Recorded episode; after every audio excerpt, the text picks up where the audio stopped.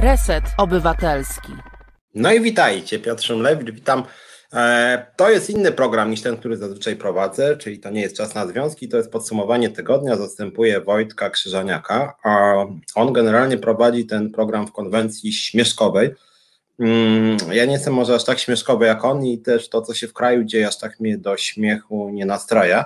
E, natomiast zajawiłem ten dzisiejszy program pod hasłem mm, tego, w jaki sposób w ciągu ostatniego tygodnia PiS demolował państwo, więc przyznam, jest to dosyć stronnicze zajawienie, ale wytłumaczę od razu, wydaje mi się, że misją mediów jest patrzenie na ręce władzy. No, mamy władzę pisowską i to taką władzę dosyć autorytarną. E, przy okazji, jak mówię o krytyce władzy, to mam na myśli władzę nie tylko polityczną, ale też władzę medialną, władzę kulturalną, władzę religijną.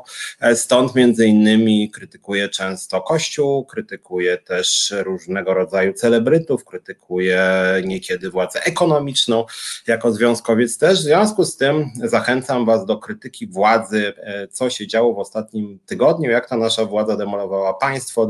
Wydarzeń jest sporo, więc możemy o wielu rzeczach dzisiaj sobie porozmawiać. Zachęcam Was do dyskusji. Postaram się odpowiedzieć na wszystkie Wasze pytania, zarzuty, wątpliwości. Mm, zacznę może od newsa, który tak bardzo się nie przebił, bo się chyba trochę do tego, że tak powiem, newsa jakby przywykliście, że to nie jest news.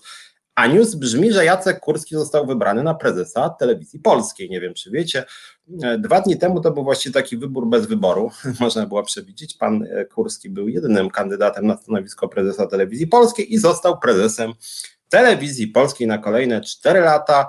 E, pan Terlecki chyba najmocniej skomentował, że to jest świetny kandydat, e, bardzo e, dobrze się właśnie wpisuje w, w misję też partii rządzącej, w związku z tym Terlecki i Kurski bardzo do siebie pasują, właśnie mogliby się zamienić miejscami, to Kurski mógłby być szefem klubu PiS, a Terlecki mógłby być szefem telewizji, wyszłoby właściwie na jedno, Mateusz Noga mi radzi, żebym zdjął skórę związkowca i przyjął dzień szydercy, no, no, no, staram się, aczkolwiek jak mówię, jakoś mało mnie to bawi. Dlaczego mało mnie bawi? Zacznę może od tego newsa z Jackiem Kurskim, e, bo ja nie wiem jak wy, mm, w związku z tym, że jestem dziennikarzem też, jestem liderem związkowym, ale też dziennikarzem i nawet napisałem taką książeczkę Wielkie pranie mózgów na temat telewizji publicznej już kilka lat temu. Jeszcze nie było wtedy PiSu rządzącego, tak jak dzisiaj w telewizji publicznej. Współrządził wtedy telewizją publiczną. Ale ja czasem TVP oglądam. Mm, I muszę Wam powiedzieć, że jednak niezmiennie robi to na mnie wrażenie, tak? To znaczy, rozumiem, że Polska ma swoją specyfikę, ma swoją historię, że Prawo i Sprawiedliwość ma swoją taką dziwną specyfikę mm, też w sposobie rządzenia. No to mimo wszystko, jakbyście włączyli sobie czasem na godzinę TVP Info albo obejrzeli sobie wiadomości, e, to naprawdę robi wrażenie, tak? To znaczy zawsze jest tak, na przykład raz na dwa tygodnie oglądam wiadomości albo raz na trzy i sobie myślę, a to sobie włączę, tam nic takiego strasznego nie zobaczę, przecież widziałem już to kilkanaście razy. I zawsze muszę wam powiedzieć, włączam te wiadomości, mówię, wow, je, jak, jak można było aż tak, że tak powiem, przywalić tutaj nieuczciwie, jak można aż tak kłamać, manipulować i muszę wam powiedzieć, że tak jak Małgorzata Prążka napisała, jest to przerażające, Niezdrowo fascynujące, no może w sensie takiego turpizmu, bo jak ktoś nie ogląda, to generalnie wygląda tak, że przekaz jest właściwie popiątny, to znaczy tak, jest prowadząca, na przykład Cholecka, która ma komunikat, że Donald Tusk jest zły, podły, wstrętny, szkodliwy dla Polski. U góry jest taki w kąciku, tak jak jest znak resetu obywatelskiego, to mamy napisane Donald Tusk niszczy Polskę. U dołu na pasku jest napisane Donald Tusk niszczyciel Polski. Po czym mamy tak zwany materiał, tak, czyli reporter coś przygotowuje i prowadzący ten materiał zaczyna. Donald Tusk niszczy Polskę. Później występuje trzech ekspertów, czyli na przykład y, tam Stankowski, Sakiewicz i Karnowski na przykład i każdy z nich mówi, no Donald Tusk niszczy Polskę. Drugi, Donald Tusk bardzo mocno już zniszczył Polskę. Trzeci podsumowuje, Donald Tusk jest niszczycielem Polski. E, po czym w podsumowaniu Donald Tusk niszczy Polskę. Dla Państwa reporter jakiś Janusz Kowalski, tak? Po czym jeszcze Cholecka, no jak Państwo słyszeli, Donald Tusk niszczy Polskę. Przechodzimy do drugiego materiału, na przykład o tym, że Trzaskowski niszczy Polskę, albo, no później musi być jeszcze trzeci materiał, czy drugi, czy czwarty, o tym, że Jarosław Kaczyński naprawia Polskę, tak? Bo to wszystko musi być tak skonstruowane e, rzeczywiście materiał po materiale. Jak chodzi o Tuska, oni też mają taki talent, że na przykład wrzucają wypowiedź Tuska z 2003 roku, gdzie na przykład, nie wiem, Tusk mówi, żeby zamknąć jakąś kopalnię, więc oni tak w trzech kolejnych materiałach Donald Tusk chce zamknąć kopalnię. Wypowiedź z 2003 roku, oczywiście piszą z 2003 roku. Oczywiście wypowiedź jest wyrwana z kontekstu, po czym znowu tych samych trzech, tam Stankowski, Sakiewicz, Karnowski, być może inny Karnowski, mówią, że Donald Tusk niszczy Polskę. No i generalnie rzecz biorąc, właśnie Mateusz Noga słusznie jeszcze mówi, że, że niszczy Polskę za niemieckie pieniądze. No to też ten kontekst też jest ważny. E, albo Donald Tusk niszczy Polskę, po czym przychodzi materiał o tym, że Niemcy niszczą Polskę. W związku z tym jest Donald Tusk niszczy Polskę, a drugi materiał jest, że jest Niemcy niszczą Polskę. W związku z tym jakby zbitka jest oczywista. Macie sobie kojarzyć, że ten Donald Tusk robi dokładnie to samo co Niemcy, czyli e, niszczy Polskę. Wydaje mi się jednak, że to nie jest taka, jak Małgorzata pisze, że to jest taka sztuczka stara jak polityka, bo to jest jednak trochę inne niż te tradycyjne tak zwane media. E, ja w mediach e, publicznych byłem w latach 2010-12. Mm, wyglądało to tak sobie, to znaczy wyglądało to słabo po tym, że było strasznie dużo też oczywiście manipulacji, uproszczeń, e, wypierania kluczowych tematów. Opisałem to w tej swojej książce Wielkie Pranie Mózgów. No natomiast nie było tak grubo, e, że tak powiem. No czy muszę powiedzieć, że jednak mnie ta skala propagandy zdumiewa, no bo jednak e, jak do 2015 roku, jak był ktoś, kto mówił, że Donald Tusk niszczy Polskę, to jednak był ktoś, kto mówił zaraz, zaraz, no może niekoniecznie niszczy Polskę, może na przykład Kaczyński bardziej niszczy Polskę, albo może Niemcy nie niszczą Polski, co już taki sąd w TVP jest bulwersujący i nie do zaakceptowania. Eee, Mateusz Inkwizytor pisze, że tu skandalicznie niszczy Polskę za niemieckie pieniądze ze wsparciem neomarksistów i LGBT. O, i no to można tak rozwijać, bo to są też takie twórcze, twórcze uzupełnienia, tak, że na przykład dodajemy materiał później o LGBT, że LGBT niszczy Polski, Bart Staszewski czy ktoś tam jeszcze, albo neomarksiści, tych neomarksistów to bardzo dużo, wszyscy z SLD razem, e, Platforma Obywatelskiej to są neomarksiści i lewacy i komuniści powiązani z konbenditem, czyli również pedofile, tak, i Polańskim. Mm, więc tu cały jest taki szereg tych skojarzeń sięgających tam lat 80. XX wieku. E, więc to jest rzeczywiście całe pole propagandowe, tylko ja muszę Wam powiedzieć, nie chcę tu nikogo obrazić, ale jest coś takiego wśród wielu komentatorów, szczególnie z lewej strony, że nie wolno obrażać elektoratu Prawa i Sprawiedliwości, bo to jest prawdziwy polski naród i tutaj nad narodem polskim to trzeba się jakoś pochylać.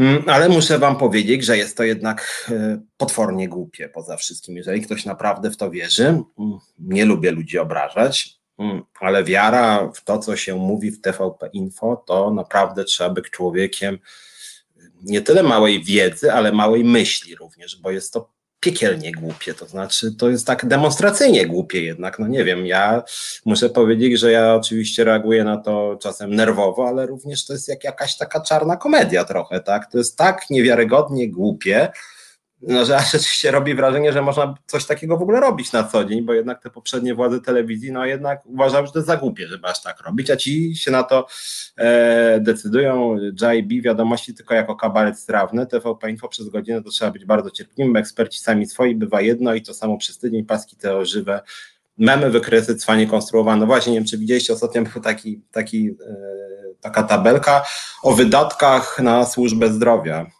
tak, jak to wyglądało. I 2012 tam nie wiem, 4,3, 2013 4,4, 2014 4 i na przykład 5, 2015 4,6, później na przykład 2016 do rządów PiSu jest 4,7, później długa przerwa, 2020 5,2 i to 5,2 jest większe mniej więcej razy 2,5 niż 4,7, po czym wpisane 2023 czyli czego, czego jeszcze nie ma, tak? 6,2 i to w ogóle jest tak trzy razy wyżej i 2027 tam 7,5 i to jest w ogóle i jakie jest wrażenie widza z daleka? No wiadomo, Prawo i Sprawiedliwość na służbę zdrowia wydaje razy cztery tego, co Platforma Obywatelska, chociaż jest to jakieś kuriozalne kłamstwo, a na dodatek y, to, co uczciwie wystrzeliwuje, to jest przyszłość, tak, której nie ma, po prostu jeszcze nie ma i nic nie wskazuje na to, żeby ona tak wyglądała. Więc rzeczywiście tutaj ta propaganda, e, ta propaganda pana Jacka Kurskiego jest wręcz na swój sposób e, fenomenalna, rzeczywiście poziomem swojej głupoty.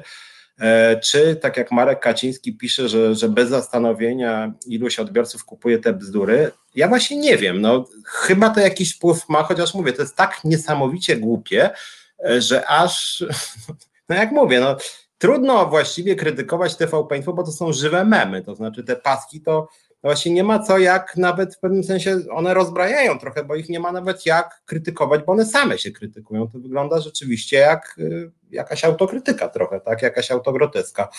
Mm, właściwie wszyscy ci ludzie to powinni wylecieć z mediów momentalnie, tak, chyba, że to miałby być kabaret, a oni tam cały czas są i cały czas, y, cały czas to samo e, robią. Mateusz Noga jeszcze rozbudowuje, Donald Tusk skandalicznie niszczy Polskę za niemieckie pieniądze ze wsparciem neomarchistów i LGBT, chce seksualizować dzieci i młodzież, aby wyparła się katolickiej wiary i przyjęła islam. O, tak, to jest prawda, szczególnie jak była walka z uchodźcami.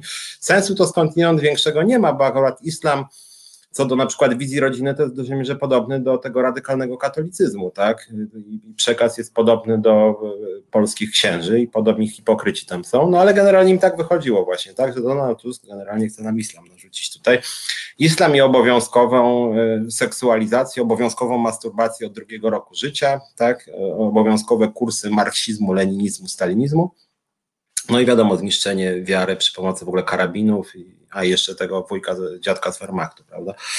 No, no brzmi to bardzo interesujące, jak takie rzeczywiście opowiadanie trochę political fiction komediowe, tak? A oni tak rzeczywiście na serio robią. No ale wracając do e, pierwszego newsa mojego dzisiejszego programu, Jacek Kurski został ponownie wybrany na prezesa TVP. E, dodając jedną rzecz i na chwilę e, przeobrażając się w związkowca, myśmy próbowali jeszcze inaczej skrytykować Kurskiego i powstrzymywać ten mm, jego wybór jako związkowa alternatywa, mianowicie myśmy pokazywali e, i nawet złożyliśmy w tej sprawie skargę do ZUS-u, że za rządów Jacka Kurskiego radykalnie rośnie skala umów cywilnoprawnych w telewizji, to takich e, lewych umów cywilnoprawnych, takich też takich tak demonstracyjnie e, lewych, jak ten przekaz jest, tak? To znaczy e, w TVP jest na przykład wymuszone samozatrudnienie, w których jest zakaz konkurencji z kimkolwiek innym i ta osoba samozatrudniona wpisuje się w grafik i pracuje od godziny konkretnej do godziny konkretnej pod dyrektorem konkretnym TVP, tak? I nie ma etatu, tylko to jest wymuszona firma, tak? Ktoś zmusza człowieka do założenia firmy. E, ta firma ma zakaz konkurencji i ta firma podpisuje grafiki w telewizji polskiej, tak? I to jest pan Jacek Kurski, ta forma zatrudnienia za pana Jacka Kurskiego się rozszerza. Myśmy myśleli naiwnie, najwyraźniej jako związek zawodowy, że komuś to się nie spodoba, no bo pan Morawiecki ostatnio mówił, że on odśmieciowi rynek pracy, to samo Kaczyński, że czas najwyższy, już właśnie Kaczyński tą zaciśniętą pięścią odśmieciowi rynek pracy, a tymczasem Jacek Kurski, jak to Jacek Kurski, z uśmiechem, Podobnie absurdalne umowy promuje jak absurdalny przekaz i nikomu to zupełnie nie przeszkadza. Pan Morawiecki się uśmiecha, tam są jeszcze jakieś dziwne spółki córki, które w ogóle zatrudniają w ramach umowy o dzieło i zabierają jeszcze tym e, ludziom, których zatrudniają o dzieło jakieś prowizje, więc to jest w ogóle kosmos tak naprawdę, jak chodzi o prawo pracy, ale to również, to również nie przeszkadza mm, w tym, żeby Jacka Kurskiego wybrać na prezesa telewizji e, polskiej telewizji publicznej. W związku z tym, póki co, pan Jacek Kurski jest wybrany na prezesa na najbliższe 4 lata, tak? Więc długo może nas męczyć. Yy, bardzo życzę opozycji, jaka by ona nie była, żeby pana Jacka Kurskiego jednak odwołała z tej funkcji, bo nawet jak na standardy pisowskie mm, jest to dosyć straszne. Bożena Breszko mnie rozbawiło oskarżenie Bodnara, że na tur konstytucja uczył przedszkolaków seksualizacji, propagował ideologię LGBT, chyba nawet jest wniosek do prokuratury. Nie no, wiadomo, że Bodnar uczy przedszkolaków seksualizacji, osobiście właśnie szkolenia z masturbacji prowadzi tam razem z różnymi organizacjami, no e, i nie tylko, że propaguje ideologię LGBT, ale zamienia te dzieci, tak, pstryk i dziecko już jest gejem czy lesbijką, tak, albo w ogóle zmienia płeć też, tak, za pomocą pstryknięcia Bodnara. Mm, no, oczywiście Mateusz Morawiecki odważnie pisze inkwizytor, kreśli horyzonty nowej ofensywy gospodarczej Polski, no wiadomo, Polska wiadomo, jest prawda, najbardziej rozwiniętym krajem e, Unii Europejskiej, wbrew Niemcom, tak, wracając do. Mm, no, więc mamy pierwszy news taki w sumie dosyć smutny, mimo wszystko można się śmiać, ale on jest w gruncie rzeczy bardzo smutny, że Kurski został wybrany na prezesa telewizji polskiej i że ta propaganda dalej nas będzie męczyła. A tak na serio, wydaje mi się, że niestety ona trochę działa nie w ten sposób, że ludzie w to jakoś wierzą, bo aż tak głupich ludzi chyba dużo w Polsce jednak nie ma, ale nie mamy obowiązku znać się na wszystkim. Nikt z nas się nie zna na wszystkim. W związku z tym, jeżeli wielu z nas się nie zna na rynku pracy, nie zna się na policji społecznej i ma prawo się nie znać, no bo nie jesteśmy ekspertami od wszystkiego i włącza taką telewizję polską, to nawet jak z przymrużeniem oka bierze sobie te zachwyty Morawieckiego, że jesteśmy pierwszym krajem na świecie i w ogóle jesteśmy najfantastyczniejsi we wszystkim, mamy najlepsze wskaźniki dokładnie wszystkie, jesteśmy najbardziej rozwiniętym technologicznie krajem świata i w ogóle miejscem wszechświata najlepszym do życia, to mimo wszystko coś zostaje. Znaczy, telewizja polska moim zdaniem działa jak reklama trochę, tak? My się śmiejemy z reklamy, jak oglądamy jakiś tam ketchup, ale jednak, no tak, dlatego jest reklama, gdyby ona nie działała, to by jej nie było coś nam zostaje w głowie. I o to telewizji chodzi, żeby coś nam właśnie zostało w głowie. I niestety wielu ludziom coś w głowie zostaje, tak? Że na przykład nie wierzą w całą tą otoczkę i w tych głupich komentatorów pisowskich, ale na przykład zostaje im, że rynek pracy w Polsce to jest w ogóle w bardzo dobrym stanie. I coś tam sobie składają, coś tam im jednak zostaje. I o to w tej propagandzie chodzi. No, taki jest cel e, propagandy. Krzysztof Nicki próbowałem chyba ze trzy razy przez pięć minut oglądać TVP Info, nie udało mi się wytrzymać nawet pół minuty, bo za jakie grzechy miałbym się katować. No, no bywa to trudne. Ja mówię, ja jestem trochę z racji zawodu też sam śledzę e, media po prostu i śledzę, jak to się, że tak powiem, e, zmienia. Jakub Janowicz, mylisz się, wszyscy znają się na medycynie i piłce nożnej. No, szczególnie na medycynie, tak, ekspertami od szczepionek szczególnie jest bardzo wielu ludzi, którzy uważają, że szczepionki, no nie wiem, zabijają, mordują, 5G wgrywają, Billa Gatesa, nam, pod władzę Billa Gatesa nas podporządkowują, bardzo dużo jest rzeczywiście tego typu e, opinii. E, JB, żadne zaskoczenie z wyborem prezesa, wielu ludzi niestety bezkrytycznie wszystko przyjmuje, co widzi w telewizji. Poziom bywa ekstremalnie żenujący, ale to działa na określoną grupę docelową. No generalnie trochę, trochę oczywiście, że chodzi o grupę docelową, ale jak mówię, moim zdaniem przekaz jest szczepionkowy, chodzi nie tylko o grupę docelową, chodzi o to, żeby każdy, kto ogląda, żeby coś zostało, coś nawet malutkiego. Nawet jeżeli ktoś się śmieje z bzdur Sakiewicza, Karnowskiego, czy jakiegoś tam innego Stankowskiego, to chodzi o to, żeby zostało, aha, dobra sytuacja na rynku pracy. No może bredzą, ale tu coś jest na rzeczy, tak? Jakoś sobie radzą. Na przykład to, że e, zwróćcie uwagę, że częściowo dzięki telewizji polskiej, chociaż tutaj akurat TVN czy Polska też się w to trochę wpisują, jest przekonanie, że Polska sobie zupełnie nieźle poradziła z epidemią, co jest jakimś surrealistycznym mm, przekonaniem, bo Polsce zmarło najwięcej ludzi w Unii Europejskiej, obok Bułgarii, z tego co pamiętam, ale Polska totalnie przegrała z epidemią koronawirusa. Jest totalna kompromitacja, on w ogóle powinien podać się do dymisji. E, I co? I nic zupełnie. I nic. I część wręcz uważa, że w ogóle PiS sobie dobrze radzi z tym, tak? Chociaż to są jakieś totalne bzdury, bo sobie fatalnie poradził i na dodatek nie wykorzystał w ogóle tej epidemii rząd, żeby na przykład przesterować gospodarkę na inwestycje w opiekę zdrowotną. Nic takiego nie miało miejsca. W ogóle sobie nie poradzili. I co? No i nic, Inkwizytor się cieszy ze szczepionek, ja też się cieszę ze szczepionek, jestem zaszczepiony, mam nawet ten kod QR. I muszę tym wahającym się powiedzieć, nie boli, nie urosła mi żadna nowa część ciała, nie rozchorowałem się ciężko, czuję się bezpieczniejsi i bardzo Wam radzę, żebyście się szczepili akurat. Mm. No dobra, to był pierwszy, pierwszy news, Jacek Kurski wybrany na prezesa TVP. Druga sprawa to jest wybory na Rzecznika Praw Obywatelskich. Ja muszę wam powiedzieć, że ja nie znałem pani Lidii Staroń przez, y, no, no były, ma, dosyć długo już jest ta pani w polityce, jakąś karierę tam robi. Mm, no, ale muszę powiedzieć, że obejrzałem z nią część wywiadu, poczytałem część różnej wypowiedzi. No i przyznam szczerze, że jest dosyć ostra. To znaczy, nie spodziewałem się, że tak niemądra osoba y, jest uznawana za jakiś, to w ogóle wielu ją uznawało, że ona jest jakoś tam pomiędzy, że ona jest trochę PO, trochę PiSa, trochę to w ogóle lewica, nie Mikonowicz ją nawet poparł. Ja muszę powiedzieć, że słuchałem jej, no to jest jakiś, przepraszam, koszmar, to znaczy znowuż nie chcę używać słowa głupia, żeby nie było, że jestem niekulturalny, ale poziom ignorancji, braku kompetencji jakichkolwiek, jakiegokolwiek wykształcenia, no, które jest ważne w przypadku takiej funkcji jak Rzecznik Praw Obywatelskich. No, to jest jakiś koszmar. To znaczy, tacy ludzie w ogóle pchają się na tego typu stanowiska. No to jest zupełnie niesamowite. Natomiast e, nie wiem, czy zwróciliście uwagę odnośnie pani Staroń, Anna Gryda pisze, że to jest dramat. No właśnie, jedna jej wypowiedź mnie zainteresowała, bo brzmi tak bardzo poetycko. Mianowicie, że strajk kobiet to wulgarność straszna, przecinek, nienawiść. Wulgarność straszna, nienawiść, tak? Mm. E, Bartkam podobno wielu ludziom pomogła. No nie wiem, czy pomogła, ostatnio był tekst w polityce, że ona jakoś tam swoimi układami prawie wykończyła jakiegoś człowieka. E, to pisał Pytlakowski na ten temat. Ja nie wchodzę w jej przeszłość. Tutaj pewnie jakieś dyskusje, być może jakieś procesy sądowe o to będą, natomiast e, muszę powiedzieć, że jak słuchałem rozmowy z nią, to jest po prostu dramat. To znaczy skala jej ignorancji jest jednak niesamowita. Ja rozumiem, że nie trzeba być profesorem czy profesorką prawa, żeby być rzecznikiem praw obywatelskich, ale jednak trzeba być kompetentnym. No. I naprawdę jakiś taki kult ostatnio też na części lewicy, że nie, że nie trzeba być wykształconym, że nie trzeba mieć kompetencji. No przepraszam bardzo, jeżeli się kandyduje na rzecznika praw obywatelskich, to moim zdaniem wypada znać prawo, bo to jest rzecznik praw obywatelskich, więc jak się broni czyichś praw, to trzeba znać prawa.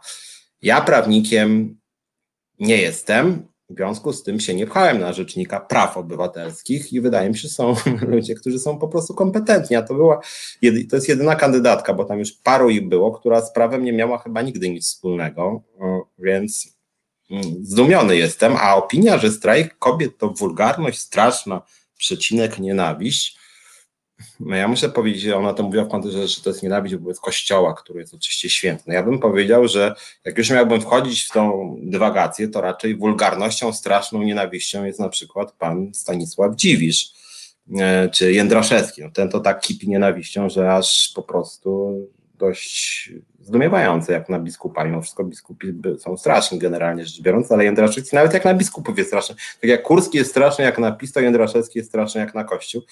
Więc no rzeczywiście to jest dosyć niesamowite, że ta Lidia Staroń akurat startuje i to jeszcze popierają część ludzi o jakichś lewicowych poglądach. Mm, tutaj widzę, że piszecie różne opinie o tym, że, że właśnie przez nią ktoś popełnił samobójstwo, że skoczył z dziesiątego piętra ktoś. Yy, Bożena Breczkol z wykształceniem prawniczym wymaganym ustawą, tam podobno nie ma właśnie w ustawie, że musi być wykształcenie prawnicze, tylko jest szeroko napisane, że powinna mieć kompetencje. No i to jest niestety tak, że PiS ma bardzo liberalne pojęcie kompetencji. Właśnie Anna Gryta pisze wiedzą prawniczą. No właśnie, no, no wypadałoby, żeby, żeby skończyła jakieś prawo i w ogóle, żeby miała wiedzę prawniczą. Ja oglądałem E, to, no to nie ma żadnej wiedzy i kompetencją, jak Krzysztof Olenik pisze, jest to, że bardzo chciała być rzecznikiem praw obywatelskich. Dla mnie to jest jakieś kolejne nieporozumienie, więc zacząłem tak, przepraszam Was, y, personalnie, ale rzeczywiście Kurski i ta Staroń to jest y, Inkwizytor jeszcze uzupełnia, premier Mateusz Morawiecki broni polskiej rodziny, umacniając cywilizację chrześcijańską na tle upadającego zachodu przyartego ideologią LGBT. No, o, piękna fraza, to mogłaby być setka dla TVP Info właśnie, że tak dopieszczacie te frazy z TVP Info, tego tam jest bardzo gęsto, chociaż tutaj muszę Wam powiedzieć, że w TVP Info bardzo często to jest e, również nie na poziomie od strony językowej, w związku z tym te Wasze zdania są znacznie bardziej składne od tego, co często e, słyszymy w TVP Info, ale rzeczywiście ta cywilizacja chrześcijańska, e, zabawne jest też to, że PiS bardzo często mówi, że broni Europy.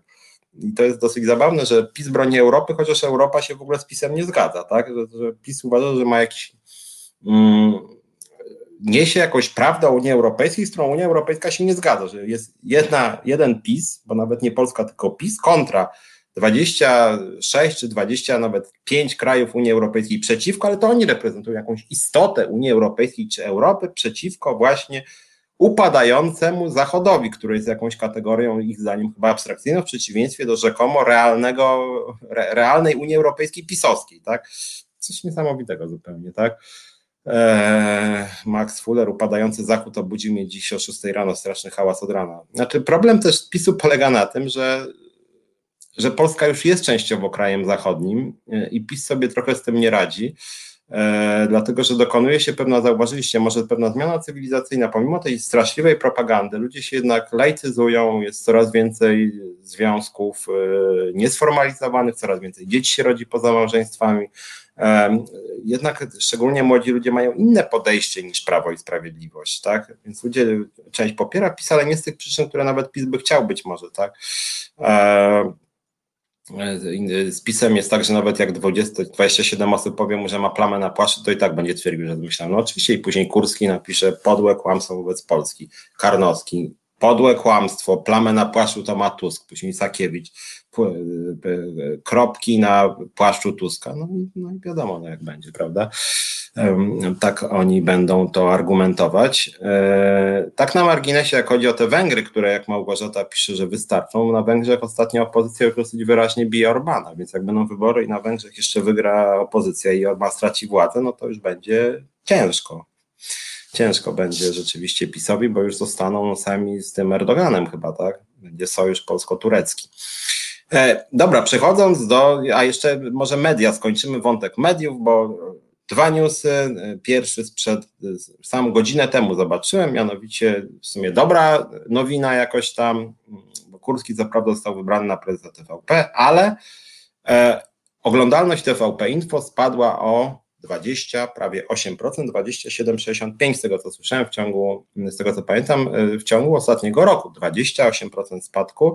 E, spadek TVN-u też był, ale 8,98, Polsatu wzrost o 3,15. E, no i TVP Info przegrywa z TVN24 z tego co pamiętam, ale ten, ten spadek jest optymistyczny, bo jednak to, że ludzie mniej tą propagandę śledzą, no jest coś tutaj w tym optymistycznego. I drugi news z tej samej, że tak powiem, półki, to to, że słuchalność radiowej jedynki spadła do poziomu najniższego w historii. To, że oni po prostu potrafili zniszczyć też radio, ta, bo, bo radiowe jedynki spadła do poziomu najniższego, a radiową trójkę to oni w ogóle zmasakrowali. Stąd dzięki temu powstały tam różne inne stacje radiowe i telewizyjne, w tym Reset Obywatelski. To też jest częściowo zasługa właściwie PiSu, że oni tak rozwalili te media publiczne i też e, radio i telewizję, że ludzie już nie chcą tego oglądać, więc pojawiła się pewna nisza, żeby był jakikolwiek pluralizm, tak? Bo bo się to po prostu tego nie da oglądać, więc częściowo oczywiście tak my, jak nie wiem, Radio 357 czy Nowy Świat, y,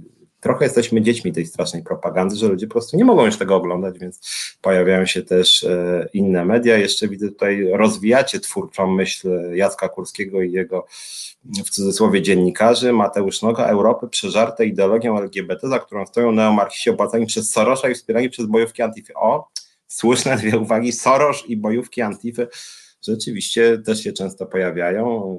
Tutaj zapomnieliśmy o tym, to prawda, te bojówki Antify też i ten kij, jeden kij znaleziono w 2011 chyba roku, był jeden, jedyny kij baseballowy, który przywiózł ponoć ktoś z Niemiec. Jeden kij baseballowy z 2011 roku, do dzisiaj przywoływany, w międzyczasie były e, Marsze Niepodległości, gdzie zniszczenia co roku ponad 100 tysięcy i tam nie tylko kij, ale i noże i różne inne sprzęty, ale to jeden kij jest kluczowy, jeden znaleziony kij, nieużyty w ogóle i nie wiadomo, ja nie pamiętam tylko, czy on był baseballowy, no ale generalnie rzecz biorąc, on jest do dzisiaj przywoływany jako dowód, że bojówki Antyfy chcą podbić e, Polskę, no a że Soros nas wszystkich finansuje łącznie z resetem. No oczywiście, że tak. Szkoda, że cholera nigdy żadnego grosza nie zobaczyłem, no ale że finansowany jestem, to jest oczywiste. Tak jak wszyscy, cała lewica, wszyscy liberałowie, tam e, wszystko, co jest niepisem, to jest przez Sorosza finansowane skądinąd, no trzeba powiedzieć, że ten Soros e, też zrobili, jego ego chyba jest bardzo mocno podbijane przez e, Prawo i Sprawiedliwość. Mm. Inkwizytor Antifa, jeżeli nie wiecie, stała za atakiem na Kapitol w styczniu, a tak, to prawda. Oczywiście, znaczy Antifa w ogóle dosyć no, wpływowa z perspektywy TVP Info, to też stoi za tym wszystkim, co się dzieje. I też obok Sorosza Antifa również pewnie tworzy jakoś tam reset obywatelski. Kibicuje w każdym razie.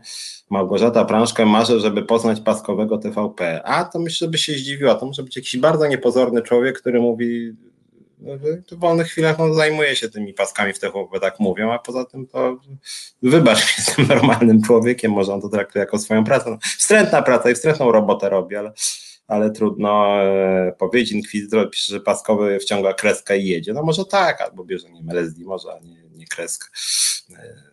E, trudno powiedzieć. Julo, antyfaszyzm to powód do dumy, ale w Polsce bywa z tym różnie. No tak, w Polsce raczej faszyzm jest częściej powodem do dumy, antyfaszyzm jest uznawany za zagrożenie dla polskości. To bardzo swoją drogą nieciekawa wizja e, polskości. Bożena Breszko, ten jeden kij antify to jak jeden raz wypowiedziane przez Schetynę słowo totalna opozycja żyje własnym życiem. Też prawda, to znaczy pojęcie totalnej opozycji jeszcze nie było w tym waszym idealnej konstrukcji komunikatu z TVP Info, bo faktycznie totalna opozycja, no to jest po prostu rzecz, no właściwie w każdym komunikacie spotykana oczywiście totalna opozycja, chociaż ja wam muszę powiedzieć, że mi się dosyć ta konstrukcja podoba, szczerze powiedziawszy. Ja na przykład siebie uważam za mm, w jakiejś mierze, czy w dużej mierze po prostu totalną opozycję. Przyznam się, że uważam, że zdecydowana większość tego, co PiS robi, jest fatalne. E, I w moim odczuciu tak Platforma Obywatelska, jak i tym bardziej ostatnio Lewica są zbyt mało totalną opozycją, więc jak, więc jak pan Kurski czy jakiś tam Kaczyński chciałby szukać totalną opozycję, to ja zgłaszam się, ja się nie wstydzę tego określenia. Mogę być totalną opozycją i, i wręcz uważam, że nazywanie kogoś totalną opozycją w pewnym sensie dodaje mu poparcia tak naprawdę. E, więc e, Krzysztof Olenik Paskowy to musi być niezły jajcarz no albo, a może to jest taki człowiek, który robi te paski, później wraca do domu i płacze, bierze jakieś prochy i nie wiem, mówi żonie czy mężowi. Ja wiem, że to straszne, ale co ja mam zrobić? Wystarczy streścić Małgorzata Prążkę, świat zazdrości nam wszystkiego. No tak, no to często jest ten komunikat. To, zawsze są w TVP, było Polak potrafi, tak? I teraz to zostało rozbudowane. Polak potrafi, jest najlepszy Polak, w związku z tym cały świat, wszechświat nam zazdrości e, wszystkiego. E, słuchajcie, zróbmy może krótką przerwę, tak będziemy co pół godziny krótką przerwę na piosenkę sobie robić. A i przejdziemy po, tym, po tej części kurskowej, chociaż oczywiście możecie jeszcze e, doprecyzowywać ten idealny komunikat TVP Info. E, porozmawiamy o urodzinach Czarnka i o tym, co Czarnek chce wprowadzić do polskiej edukacji, bo sobie wypisałem kilka lektur, które chcą wprowadzić. Robi wrażenie, muszę wam powiedzieć E, wysokie zarobki Polaków irytują Niemców. No to jest klasyka absolutna, Marek Jurkiewicz napisał. Słuchajcie, robimy krótką przerwę, za chwilę wracamy. Słuchasz Resetu Obywatelskiego. Reset Obywatelski działa dzięki Twojemu wsparciu.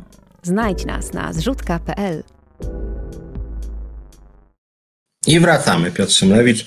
Podsumowujemy mm, tydzień ostatni. E, tak jak mówiłem, chciałem dzisiaj podsumować e, to, w jaki sposób PiS demoluje państwo. Czesław Lisiecki 10 dał tutaj czego? To jest dolarów, czy, e, jako Soros, tak reprezentuje Sorosza. No generalnie wiadomo, że wszyscy tutaj płacą nam jako Sorosze, jako sługusy Sorosza. E, no cóż, chcąc, nie chcąc, wszyscy jesteśmy sługusami Sorosza, jeżeli krytykujemy Prawo i Sprawiedliwość i podobnie jesteśmy antifą. A akurat tego ostatniego się specjalnie nie wstydzę, no a Soros niestety, muszę powiedzieć, że nigdy mi nie dał pieniędzy, tak między nami. E, no, ale chciałem nowy temat zarzucić, bo mamy w tle mamy w tle, o i Piotr Strychalski 100 zł, bardzo dziękujemy i w ogóle Wam bardzo dziękuję, że wspieracie Reset. Ja jestem też związkowcem, więc tak Reset, jak i związkowa alternatywa, którą kieruję, e, są transparentne finansowo. Ja niedługo jako związek będę przedstawiał też sprawozdanie finansowe. Niedługo też obiecywałem Wam tutaj na wizji, więc przypominam, bo zablokowana jest gospodarka trochę cały czas, więc y, jeszcze się trochę grzebiemy z tymi billboardami przed spółkami Skarbu Państwa, co. Mm, e, co zbierałem na urodziny zbiórkę, ale te billboardy już się robią, więc niedługo, więc niedługo e, pokażę je. E, Marek Jurkiewicz, Soros, słuchacz oraz Resetu Obywatelskiego sympatycy. No, jakoś tam też, tak, tak rozumiany Soros z pewnością, no ale tu chodzi o innego Sorosza, tak. Jesteśmy sługusami tego Sorosza, którego nie lubi szczególnie mocno Orban. E, no właśnie, Małgorzata, podobnie jak ja, od pięciu lat czeka na przelew od niestety też cholera jasna, nie udało mi się. No ale przechodząc do, e, do pana Czarnka, inkwizytor pisze, czy Czarnek to zwykły cynik i oportunista, czy jednak nawiedzony beton. E, Bart Kam odpowiada, zdecydowanie beton i ja muszę powiedzieć, że Zgadzam się. Uważam, że jednak jest to beton, a nie cynik. Jest coś takiego szalonego jednak w tym czarnku. On się aż tak stylizuje trochę na jakieś dawne lata inkwizycji. Chyba go to jakoś kręci nawet w wymiarze jakimś takim prywatnym, że to jest rzeczywiście. Mam trudne zadanie dzisiaj, muszę powiedzieć, bo wybieram sobie takich bohaterów, wobec których aż się cisną niecenzuralne słowa. Jestem człowiekiem jako dziennikarz, który uważa, że nie należy przeklinać na wizji, trzeba zachować pewien poziom, pewną klasę. Nie należy używać słów y, wybitnie niekulturalnych. Natomiast tak wobec Kurskiego, jak i wobec Czarnka, no karną się takie słowa, bo Czarnek jest wyjątkowym, hmm, jakiego by tu słowa użyć, żeby nie przesadzić, kołtunem nie będzie za mocno, no jest człowiekiem niemądrym. Jest człowiekiem jakby jak na stanowisko, które sprawuje, no koszmarnie głupim. To znaczy, tu nie chodzi tylko o ten fundamentalizm, nawet on jest po prostu człowiekiem potwornie niemądrym, potwornie niewykształconym, potwornie nie mającym wiedzy, potwornie nie mającym jakiejś sensownej wizji, potwornie nie mającym sensownych pomysłów, tylko te jakieś takie tempa, prymitywnie, prostacko rozumiana polskość, no to jest po prostu koszmarne. Inkwizytor, minister Czarnek w walce o prawdę przypomina słowa świętego Jana Pawła II, wielkiego papieża Polaka, abyśmy się nie lękali oddzielać ziaren od plew w obronie naszej świętej katolickiej wiary i Matki Kościoła. No, widzisz, inkwizytorze, może rzeczywiście powinieneś jakoś tam jako paskowy TVP Info się, się zgłosić. To, to nawet to lepiej brzmi od, od strony poprawnej polszczyzny niż to, co nam Kurski prezentuje. E, Marek Jurkiewicz to jest beton, odrealnienie i zaślepienie. E, Level Jędraszewski, e, dzban Menda z Wisłu Kantusza jest Okej, okay, to możecie sobie przeklinać za mnie, rzeczywiście mi trochę, że tak powiem, nie wypada. Nie chciałbym. Chociaż muszę powiedzieć, że jak oglądam Czarnka, to jakby trochę nawet Gombrowicz wymienka, bo to jest taki poziom jakiejś takiej kołtunerii potwornej, że aż no podobnie jak z tym Kurskim, no tak człowiek patrzy i myśli, jej, no jak, jak to możliwe, że człowiek aż tak niewykształcony, nieprzygotowany, tak, taki tępy fundamentalizm religijny jest człowiekiem odpowiedzialnym za naukę, i edukację. No przecież to jest koszmarne. No nauka, edukację to powinien być człowiek mądry, myślący, nawet, nawet jak konserwatywny, to jakoś refleksyjna. To jest takie wyjątkowe zaprzeczenie jakiejkolwiek refleksyjności. Ta twarz, na której nie ma śladu myśli, żadnej, po prostu żadnej. Jakieś takie tylko tępe bredzenie, coś o jakimś chrześcijańskim człowieczeństwie, cywilizacji chrześcijańskiej, jakieś totalne, odrealnione bzdury. I ten człowiek przychodzi do profesorów w Polskiej Akademii Nauk czy na uniwersytecie, oni się jeszcze mu kłaniają.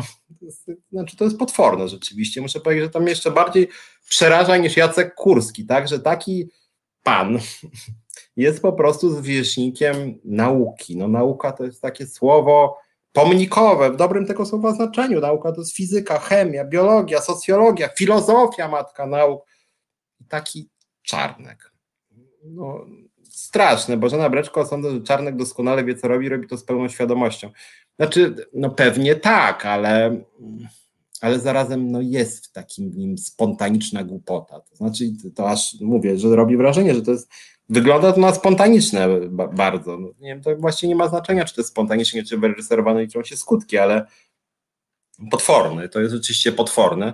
Małgorzata Prążka, obawiam się, że może to być cyniczne. E, znam sporo absolwentów, profesorowie, doktorzy i nie wierzę, że Czarnek jest z tej samej e, stajni inkwizytor matką nauk jest e, religia. No tak.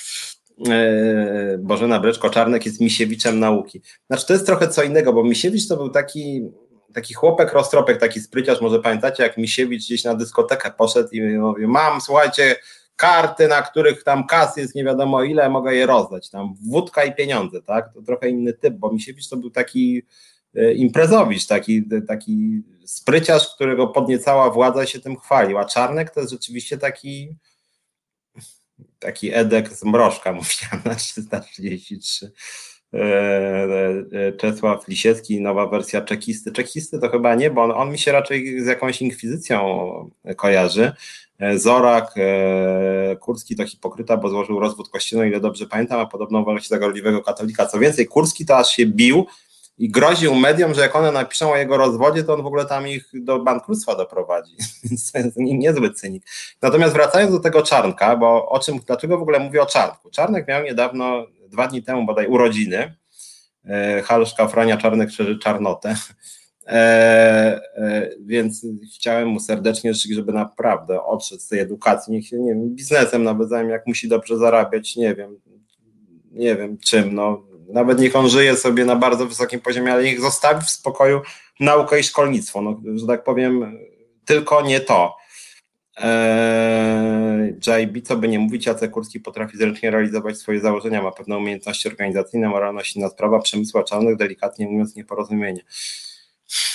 No niby tak, no ale można powiedzieć, że Czarnek też realizuje swoje yy, założenia, to znaczy tym założeniem jest głównie jakaś indoktrynacja religijna, więc pod tym względem no też robi co chce, że tak powiem. E, Joanna Maria Peżanowska-Heniges, przecież właśnie o to chodzi Kościołowi Polską rządzi ludzie z plasteliny bez twarzy i z plugawili, dalej Polskę. Boże, znaczy tęsknimy za Zalewską.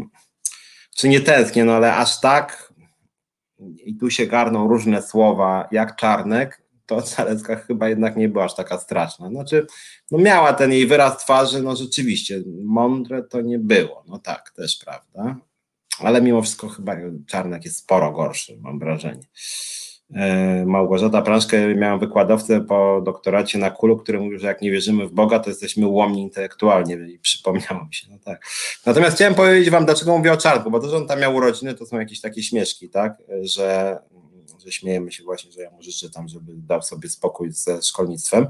E, natomiast Czarnek ostatnio przedstawił swój plan reformy czy rewolucji lektur szkolnych. I właśnie o tym chciałem dwa słowa powiedzieć. Jeszcze tylko Marek Kaciński na Kongresie Edukacji Kościół, to znaczy my wszyscy, czyli pedagodzy, a przede wszystkim pedagodzy chrześcijańscy, za same te słowa powinny mieć zakaz zbliżania się do edukacji.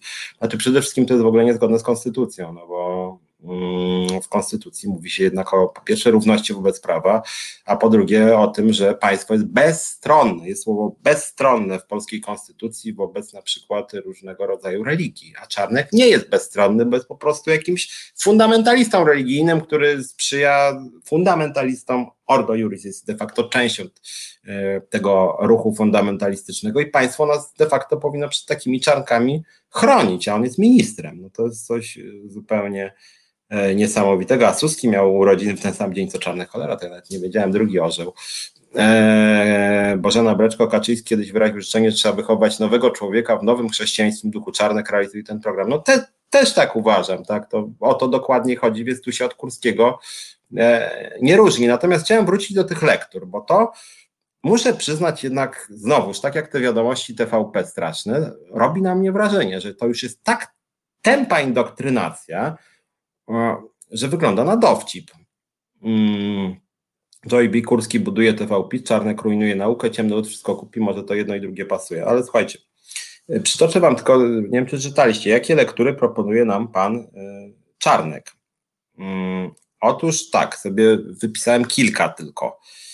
E, Lolek opowiadania o dzieciństwie Karola Wojtyły, y, Jan Paweł II przekroczyć próg nadziei, Jan Paweł II tryptyk rzymski, Jan Paweł II pamięć i tożsamość, Jan Paweł II Fides et Ratio, Karol Wojtyła jako inny autor niż Jan Paweł II przed sklepem jubilera, André Frossard, nie lękajcie się rozmowy z Janem Pawłem II, Stefan Wyszyński, zapiski więzienne, Paweł Zuchniewicz, ojciec wolnych ludzi, opowieść o prymasie Wyszyńskim i to ma być wprowadzone. Część jako obowiązkowe, część jako dodatkowe, tak? Czyli tu mamy tego Wojtyłę się raz, dwa, trzy, cztery, pięć, sześć, siedem, osiem, osiem Wojtyły i Wyszyńskiego, dziewięć, dziewięć, dziewięć razy, dziewięć Wojtyły i Wyszyńskiego dajemy już tak, no tak jak z tym TVP Info mówię, u góry Tusk zły, na pasku u dołu Tusk zły, wprowadza Cholecka Tusk zły, setka zajawiona, że Tusk zły, trzech ekspertów, że Tusk zły, i podsumowanie. Osiem takich, że tu zły. To tak samo tutaj osiem potwierdzeń świętości, wielkości, wspaniałości Jana Pawła II, taki Kim Jong-un, tak? No, chyba mocniejsze. Nie wiem, czy w Korei Północnej jest aż, aż tak, taka tempa e, propaganda. E, Zorak, ja bym zasugerował taki tytuł Jan Paweł II, kiepskie aktorzyna, Max Fuller, Jan Paweł II w Poroninie. Mm, Magdalena, Mikołajczak, krucjaty wrócą, będą na siłę ewangelizować dzieci ateistów w szkołach, czy zabronią im w ogóle nauki. Inkwizytor, może to jednak plan na laicyzację, Jan Paweł II będzie najbardziej omijanym i znienawidzonym autorem, w związku z tym reszta towarzyska towarzystwa i Małgorzata jeszcze więcej od P2 młodzież wytrzyma. Ja właśnie nie wiem, nie jestem tu akurat takim optymistą, bo propaganda jednak, mówię, to działa jak reklama. Ludzie się śmieją, ale coś w tych głowach zostaje, tak? To, to, to, to nie jest tak, my się możemy w dużych miastach śmiać Tak samo jak swego czasu śmialiśmy się z delikatniejszych w sumie pomysłów Giertyka, które też były głupie, ale, ale to też działało w wielu miejscowościach, więc ja się obawiam, że to jednak jest plan ogłupiania młodych ludzi. Konsekwentny inkwizytor Korea Północna jest najbardziej religijnym państwem świata, cała służy wielbieniu dynastii Kimów. No w pewnym sensie tak, jeżeli mamy tą analogię stosować. Tutaj, no ale Polska potem też jest y, religijnym bardzo krajem świata, dlatego że telewizja publiczna służy wielbieniu dynastii Kaczyńskich, tak, to znaczy Jarosław to jest tam po prostu śmieszne było ostatnio też, nie mówiłem o tym, że Kurski wpadł na pomysł tak, żeby film nakręcić o Kaczyńskim i Kaczyński sam się wkurzył, bo to przesada i że, go, i że na tym straci, bo prawdopodobnie ten film o Kaczyńskim byłby w czołówce najgorszych filmów świata. Mm, Dominik Jerych, Jan Paweł II pierwszy. O, i tu już proszę, Jan Paweł II pierwszy. Na pasek TVP Info ładnie by weszło. Eee, Bożena Bryczko, to ciekawe, jeśli religia będzie obowiązkowa, to co z dziećmi innych wyznań albo ateistami? A? Co? Nic. Pomysł był taki, żeby obowiązkowo wprowadzić e, filozo- e, etykę albo religię, ale wiadomo, w większości szkół nie ma e, etyki, w związku z tym byłaby obowiązkowa religia. Sprzeczne z konstytucją, sprzeczne. A oni, co oni tam myślą o konstytucji? Ich obchodzi konstytucja, konstytucję złamali już, złamali już w wielu punktach, więc mogą złamać i tu. Natomiast chciałbym uzupełnić te kwestie książkowe, JB przymusowe lektury brzydno, uczniowie skorzystają ze streszczeń, zakują, zdadzą i zapomną.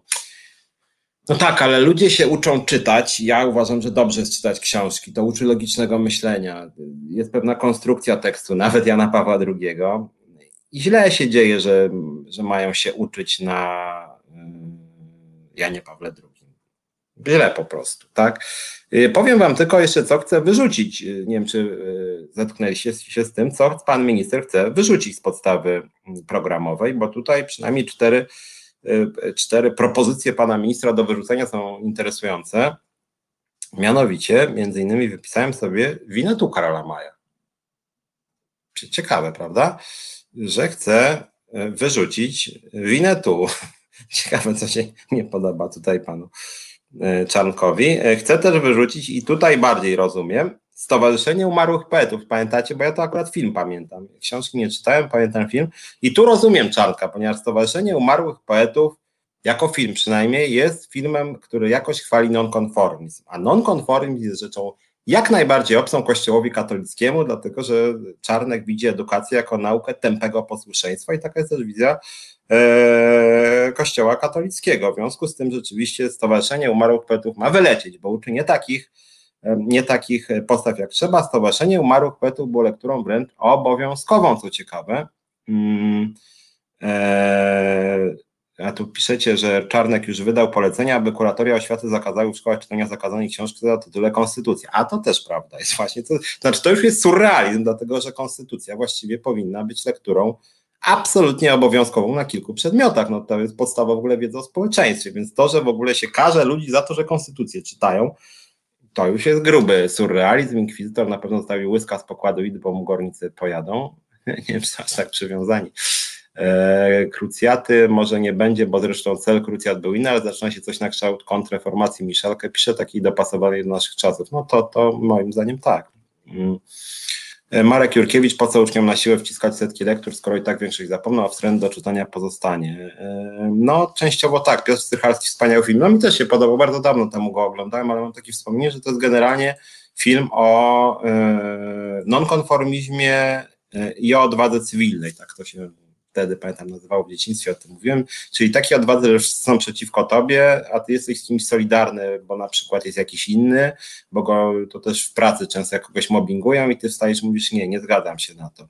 Tak wspominam Stowarzyszenie Umarłych Poetów i nie przez przypadek pan e, Czarnek e, wyrzuca to z kanonu, ponieważ uważa, że na przykład geja, lesbijka, ateistę można po prostu zaszczuć. I taki jest moim zdaniem e, element przekazu pana Czarka, zaszczuwanie ludzi, którzy inaczej myślą, zaszczuwanie niekatolików, zaszczuwanie lesbijek, zaszczuwanie gejów, zaszczuwanie ludzi, którzy się po prostu czymś różnią od tej narodowo-katolickiej normy. E, a mówiłem o Stowarzyszeniu Umarłych Poetów, wyrzuca też, co ciekawe, pan Czarnek Jana Parandowskiego mitologię o Rzymie. Jest to najwyraźniej jakieś niebezpieczeństwo, nie wiem, dla katolicyzmu, że może ta wizja Parandowskiego Rzymu jest zbyt mało katolicka, coś tutaj nie pasuje i wyrzuca też małą apokalipsę Tadeusza Konwickiego. To też w sumie bardzo, y, znaczy straszne to wszystko jest oczywiście, ale na swój sposób też y, dowcipne te pomysły pana Czarnka, że cokolwiek, co jest jakby niezgodne z takim tępym, narodowo-katolickim postrzeganiem polskim ma być wrzucone. Taki, że już ma to być takie siermiężne, tak jak, tak jak te paski w TVP Info. Młody człowieku, Jan Paweł II był wielki. U dołu, u góry, w środku, nauczyciele ma mówić 9 czy 10 przekazów, że właśnie Jan Paweł II był wielki. Polaku, jesteś katolikiem, katolikiem, katolikiem, katolikiem, katolikiem. MC Wyspa wolała Shatterhanda. No tam było kilku i był też Old Shurhand i był Winetu. Też kiedyś to czytałem. E, w sumie wolałem od polskich autorów, jakieś to było takie bardziej zmitologizowane, ale ciekawe, że akurat Winetu chce wyrzucić pan Czarnek, coś mu tam nie pasuje. E, no, natomiast przy okazji oczywiście chciałem e, trochę na serio przypomnieć swoje książki, bo jeżeli mamy czytać pięć, pięć, raz, dwa, trzy, cztery, raz, dwa, trzy, cztery, cztery encykliki papieża plus jedną książkę Karola Wojtyły jako nie papieża, to może byśmy w takim razie na przykład wprowadzili jako obowiązkową lekturę moją książkę Ojciec Nieświęty, gdzie pokazuje, że Jan Paweł II był postacią dosyć obrzydliwą, która broniła pedofilów, oszustów finansowych, błogosławiła dyktatorów, nienawidziła kobiet i osób nieheteroseksualnych, która była powiązana ze skrajnymi fundamentalistycznymi odłamami Kościoła i wyrządziła dużo złego samemu Kościołowi, że Jan Paweł II był też y, osobą, która y, walczyła z antykoncepcją doby HIV, więc gdyby Czarnek zdecydował się narzucić cztery encykliki papieża, ale dorzucił mojego Ojca Nieświętego jako obowiązkową lekturę, to taki deal mógłbym wejść. Niech młodzi ludzie, ja jestem w pełni za nich, czytają Wojtyłę, ja czytałem Wojtyłę, czytałem nawet nie wszystkie z tych encyklik, ale czytałem, tak, Pamięć i Tożsamość, Fides et Ratio yy, i proszę bardzo, można sobie przeczytać, ale później polecam mojego Ojca Nieświętego. Jeżeli pan Czarnek by się na to zgodził, to ja w sumie nie miałbym nic przeciwko temu, że była dyskusja, tak? Wojtyła kontra krytycy Wojtyły. U mnie w książce jest wiele tych głosów krytycznych, skądinąd Ojciec Nieświęty lada dzień będzie miał dodruk, bo się sprzedały wszystkie egzemplarze z tego pierwszego wydania. No i przy okazji oczywiście też E, jako lekturę bym dodał mojego bezbożnika, też Wam polecam. Mm, I znowuż, jest Biblia czytana, w związku z tym przeczytajmy Biblię i później e, moją książkę Bezbożnik przeciwko władzy religii. Niech młodzi ludzie zdecydują, czy wolą wizję Biblii, czy wolą wizję e, pisaną dosyć prostym językiem e, mojego bezbożnika. Zresztą takich książek trochę jest, reklamuję akurat swoją książkę, e, ale jestem w pełni za. Wtedy bym powiedział, ok, niech młodzi ludzie przeczytają Biblię, Koran, różne święte księgi, plus niech przeczytają właśnie też mojego bezbożnika i wyrobią sobie opinię, co jest lepsze. Czy nawet na jedne zajęcia niech przeczytają fragmenty bezbożnika i fragmenty Biblii. Ja samym na taką konfrontację chętnie poszedł. Ja tak samo jak czytałem Wojtyłę, to też czytałem i Biblię, więc ja tutaj jakby jestem pluralistyczny, więc panie ministrze Czarnek, tutaj prawda, niech pan podejmie wyzwanie, E, niech pan po prostu oferuje e, młodym ludziom różne wizje świata, nie wciska do głowy jakąś tępą propagandę narodowo-katolicką. E, Krzysztof Olenik, system by się zawiesił. JB jest dobry pomysł konfrontować dzieła JP2 z pana książką. Małgorzata, a bezbożnik czeka na czytanie w najbliższych dniach, Piotr Strychalski. Eee, Małgorzata Prążka, ale biorąc pod uwagę, jak czasem daleką interpretację narzucają, to może jeszcze z tego JP2 zrobi się lewak. Oj, chyba nie, Jan Paweł II, już tutaj Czarnek ma twardą interpretację Jana Pawła II. Tak na marginesie to jest dosyć zabawne, dlatego że Jan Paweł II y, był na przykład przeciwko karze śmierci, był przeciwko różnego rodzaju yy, wojnom, które Polska popierała, na przykład y, w Iraku. Yy, czy w byłej Jugosławii. I tutaj jakoś tak ta świętość Jana Pawła II nie odgrywała takiej bardzo dużej roli. To jest ciekawe, jak się selektywnie tutaj ta władza mm, wybiera sobie tak papieża, do jej pasuje. Bożena Breczko też polecam bezbożnika i Ojca Nieświętego zamiast tektura, albo oprócz. Znaczy ja, ja uważam, że konfrontacja niech będzie. Uważam, że dobrze znać dzieła e, religii światowych i e, podać młodym ludziom narzędzia do ich krytyki. Jeżeli przeczytają dzieła krytyczne też i powiedzą, nie, nie zgadzamy się, bo uważamy, że Biblia jest dobrą. No proszę bardzo, brońcie sobie. Zresztą jak chodzi o tego mojego bezbożnika, to właśnie o to chodzi w tej mojej książeczce, bo to jest wyzwanie dla katolików też, żeby zderzyli się z moimi argumentami i mi odpowiedzieli. Proszę bardzo, drodzy katolicy i katoliczki, przeczytajcie i powiedzcie nie, tu się pan myli, tu wcale nie ma władzy, tu wcale nie ma przemocy, tu wcale nie ma wykluczenia, my wcale nie krzywdzimy kobiet czy LGBT. E, nasza wizja polityki społecznej jest spójna. Proszę bardzo, drodzy e, katolicy. I moim zdaniem właśnie młodzi ludzie powinni też dostać narzędzia z różnych stron. A Czarnek proponuje taką tępą, kretyńską propagandę. I to jest dosyć straszne. Dajbi zawsze trzeba było się wszczelić w klucz, nie było, nie ma miejsca na własne interpretacje literatury. To znaczy, jak chodzi o Biblię w ogóle, Jana Pawła II to jest dosyć ciekawe, e, dlatego że Biblia, jak wiecie, jest dokumentem, książką, którą interpretowano na miliard sposobów, po prostu miliard. I w katolicyzmie jest tak, że generalnie tym, który wykładnia którego obowiązuje, to jest papież. Tak katolicy mają, tak jest w katolicy, ja nie jestem katolikiem. W związku z tym dzisiaj obowiązuje wykładnia niejakiego Franciszka. Ten Franciszek, no nie za bardzo go lubi jakiś tam Jędraszewski czy Rydzyk, zaczyna być jakiś mały konflikt, więc ja jestem ciekaw, czy Czarnek przypadkiem się nie przychyli do wykładni Jędraszewskiego przeciwko Fran Franciszkowi i przestanie być właśnie katolikiem. To jest dosyć niesamowite. Anna Gryta zamiast winetu powinien być e, te kumsech o konia w końcu z Polakiem w jednej z głównych ról. A wiesz co, ja, ja chyba kiedyś tego o konia czytałem, jednak jakoś Maj do mnie bardziej docierał. Był taki bardziej jakby odrealniony. Może lepiej, lepiej mi się czytało, ale to było tak dawno temu, że, że nie pamiętam. Małgorzata Prążka, gdyby w ogóle katolicy czytali Pismo Święte tak często, jak się na nie powołują. To prawda, chociaż ja muszę powiedzieć, że e, Biblia jest dokumentem strasznym, przynajmniej czytanym literalnie. Jest tam strasznie dużo rzeczy przerażających, podłych, wstrętnych, niemoralnych, a niekiedy niemądrych. W związku z tym trzeba to sobie, i o tym taki Franciszek wie, czy nawet Jan Paweł II wiedział, trzeba to sobie reinterpretować. Trzeba to sobie, krótko mówiąc, wymyślić na nowo. Tak, tak to jest z tymi księgami świętymi, że one powstały bardzo dawno temu. Eee, Bożena Breczko zna wielu ateistów, którzy przeczytali Biblię, katolika żadnego. No właśnie, to jest, e, to tak jest. MC Wyspa Piotrza szykuje się może jakieś nowe wydanie Bezbożnika, ale Bezbożnik dopiero co się ukazał. E, w związku z tym na razie nie będę robił dodatkowych wydań, bo to się ukazało ile? Półtora miesiąca temu. Natomiast Ojciec Nieświęty będzie teraz do dróg chyba w przyszłym tygodniu. Eee, Olga Budniak, Aha, że Belgia łupi Rosjan 2-0. No cóż, jak chodzi o Mistrzostwa Europy, nie mam jakichś jednoznacznych typów, chociaż Belgia chyba zaczęła jakoś ładnie grać w ostatnich latach. Ja generalnie zawsze lubiłem te kraje, które ładnie grały, na przykład Holandia, ale też Niemców lubiłem. To, to od razu zaraz Kurski jak oglądał powiedział mi, no tak, jeszcze lubię jak Niemcy grają, to wiadomo. Soros, Niemcy, Antifa i te klimaty. E, Grzegorz Szafrański, katolicy czytają Biblię taką dla dzieci. No tak, czyli to, to, to takie szkolenia, żeby te dzieci wtłaczać właśnie w te ramy e, religijne. JB, ten program ciekawszy od meczów, no tutaj to zdania musiały, to są bardzo podzielone, bo jest dużo też osób, które się interesują meczami. Ja kiedyś znacznie bardziej się interesowałem, no ale jakoś to rozumiem. No, część ludzi to jakoś porywa się, jakoś tam identyfikują. Mm, Piotr Strychalski, Bożena Breczko, przeczytałem Biblię dwa razy pracując w Australii. Tamtejsze wydanie wróciłem bezbożnikiem.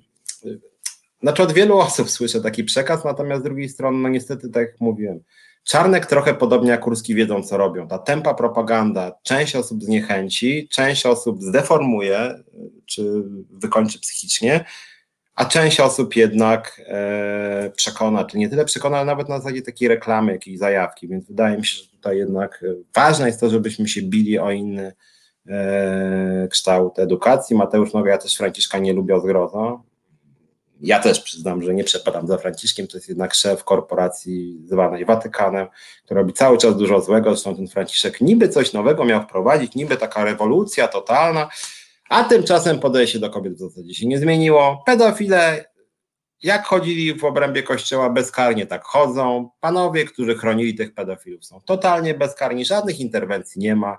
Pan Rydzyk w Polsce się rozpycha, ma obrzydliwe poglądy na każdym polu i żadnej interwencji Franciszka nie było. Kościół jest instytucją stricte hierarchiczną i Franciszkowi tak naprawdę wolno wszystko i wcale nie degraduje tych obrzydliwych, tu nie będę używał żadnych brzydkich słów, ale tych naprawdę podłych ludzi, którzy naprawdę strasznie krzywdzili dzieci na przykład. I ja nie widzę, żeby tutaj Franciszek jakiejś rewolucji e, dokonywał. Eee Bożena Breszko, bezbożnika można kupić wysyłkowo w świecie książki, w każdej księgarni praktycznie można kupić, jest dostępny bezbożnik.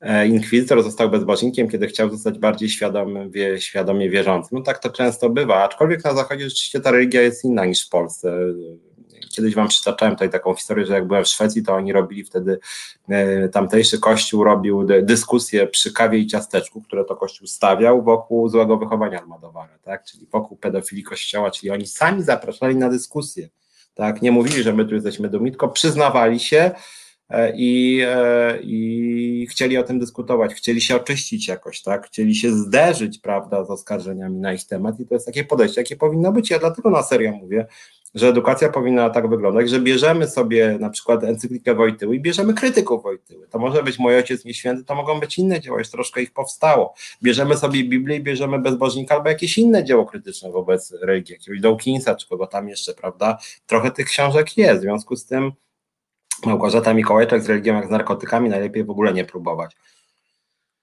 Znaczy mi się wydaje, że problem czy, czy, narkotyków należy próbować, czy nie próbować. Nie chcę tu się wypowiadać. Temat jest kontrowersyjny. Y, niektórym to jakoś tam pomaga w życiu. Część artystów też brało narkotyki, się jakoś tam nimi inspirowało. Na pewno z narkotykami należy uważać. Natomiast problem chyba z tą polską religią katolicką jest taki, że ten polski model katolicyzmu to jest jak taki tani żur. Nawet to nie jest jak opium, jak mówił Marx, tylko taki tani, bardzo trujący żur i tu jest chyba kłopot, że ten Jędraszewski, ten Dziwisz, to jest coś tak obrzydliwego po prostu, to jest to coś tak ohydnego, a jakby nie było, to są szefowie polskiego kościoła katolickiego. Znaczy, jak ktoś mówi, jestem katolikiem, ale nie lubię kościoła. No nie, to, to, jest, to się oszukujesz, sorry, ale katolicyzm to jest religia hierarchiczna, religia, która ma swoich duchownych i, i ci duchowni są zwierzchnikami. Jędraszewski, Dziwisz i spółka są zwierzchnikami na Polskę. To są wasi szefowie, jak jesteście katolikami. Nie musicie być katolikami, możecie wierzyć w Boga i nie uznawać tej hierarchii. No, macie wa, wasze prawo, jesteście wolnymi ludźmi, więc, więc znaczy ja tu jestem otwarty. Jakbyście przeczytali mojego bezbożnika, bezbożnik jest zachętą do myślenia i jest taką zachętą do takiego przetestowania waszej religijności. Tak, że jeżeli wierzycie w Boga, spoko, każdy ma swoje. E, wyobrażenia, swoje wiary, swoje przekonania. Niektórzy e, religijnie traktują jakiś zbiór poglądów politycznych, e, inni e, mają otoczkę, otoczkę religijną, dają wokół, nie wiem, seksu albo miłości, albo hobby jakiegoś. Jeszcze inni żyją książkami po prostu i się w nie bardzo angażują, więc można się w religię angażować. To nie musi być nic złego, tylko warto przetestować. I moja książeczka, ten bezbożnik, to jest taki test, czy przypadkiem ta wasza religijność nie jest przemocowa, czy nikomu nie robicie krzywdy, czy w waszej religijności nie ma na przykład poglądów krzywdzących wobec kobiet, wobec LGBT, wobec ateistów, wobec socjalistów, wobec, e, nie wiem, osób, wobec buddystów, tak? I problem polega na tym, że z mojej książeczki wynika, że szczególnie religia katolicka, no w Polsce, więc pisałem głównie o religii katolickiej, jest strasznie dużo bardzo przemocowych, bardzo szkodliwych poglądów. Tak e, argumentuję w tej swojej książeczce i apeluję do katolików, katoliczek, jeżeli macie inne zdanie i wasz katolicyzm, czy wasza wykładnia katolicyzmu jest taka, że ta, no, wasz katolicyzm jest przemocowy, spoko, napiszcie o tym, przekonajcie mnie, pokażcie, że katolicyzm może nie być na przykład patriarchalny. Moim zdaniem jest to ważna część religii e, katolickiej, niestety. Eee, o, żeście się tu e, rozpisali. Januśka Biblia to najważniejsza książka w moim życiu, dzięki tej lekturze jestem ateistką.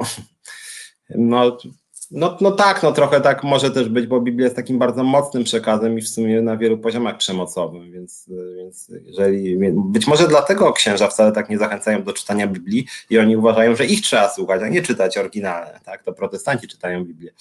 Inkwizytor Franciszek to jest członek zarządu do spraw PR zrobiony prezesem organizacji, nic więcej. No, Częściowo tak, ale dzięki takiemu podejściu można zrzucać odpowiedzialność Franciszka. To tak jak z, z Wojtyłą, tak? Że, że, że, w sumie do dzisiaj wiele mediów, łącznie z liberalnymi, mówi, nie, nie, to ewentualnie Giwsz odpowiadał, a Wojtyła to nic nie wiedział, tak? Było mnóstwo pedofilów wokół niego, no ale to nie jest jego wina, to jest wina nie może Dziwisza, może jakiegoś tam innego, a Jan Paweł II czyściutki, no.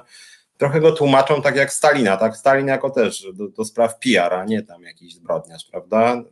to oczywiście, że Stalin miał inne winy niż Jan Paweł II, ale jak chodzi o mechanizm tłumaczenia mechanizm jakiejś racjonalizacji, to niestety podobnie. Wierni pisali do Jana Pawła II, ratuj nas ojcze przed tym strasznym człowiekiem, jak na przykład Maciel de Gollado i do Stalina napisali ojcze, szefie, ratuj nas przed zbrodniczymi urzędnikami. No i niestety i tu i tu się czyści autorytet, tak, który nie zasługuje na mianę autorytetu. Ani Stalin, ani Jan Paweł II niestety na mianę autorytetu nijak moim zdaniem nie zasługują. I tutaj polecam mojego ojca nieświętego, że ja pokazuję, dlaczego nie zasługuje na mianę autorytetu. Staram się być bardzo, bardzo argumentacyjny.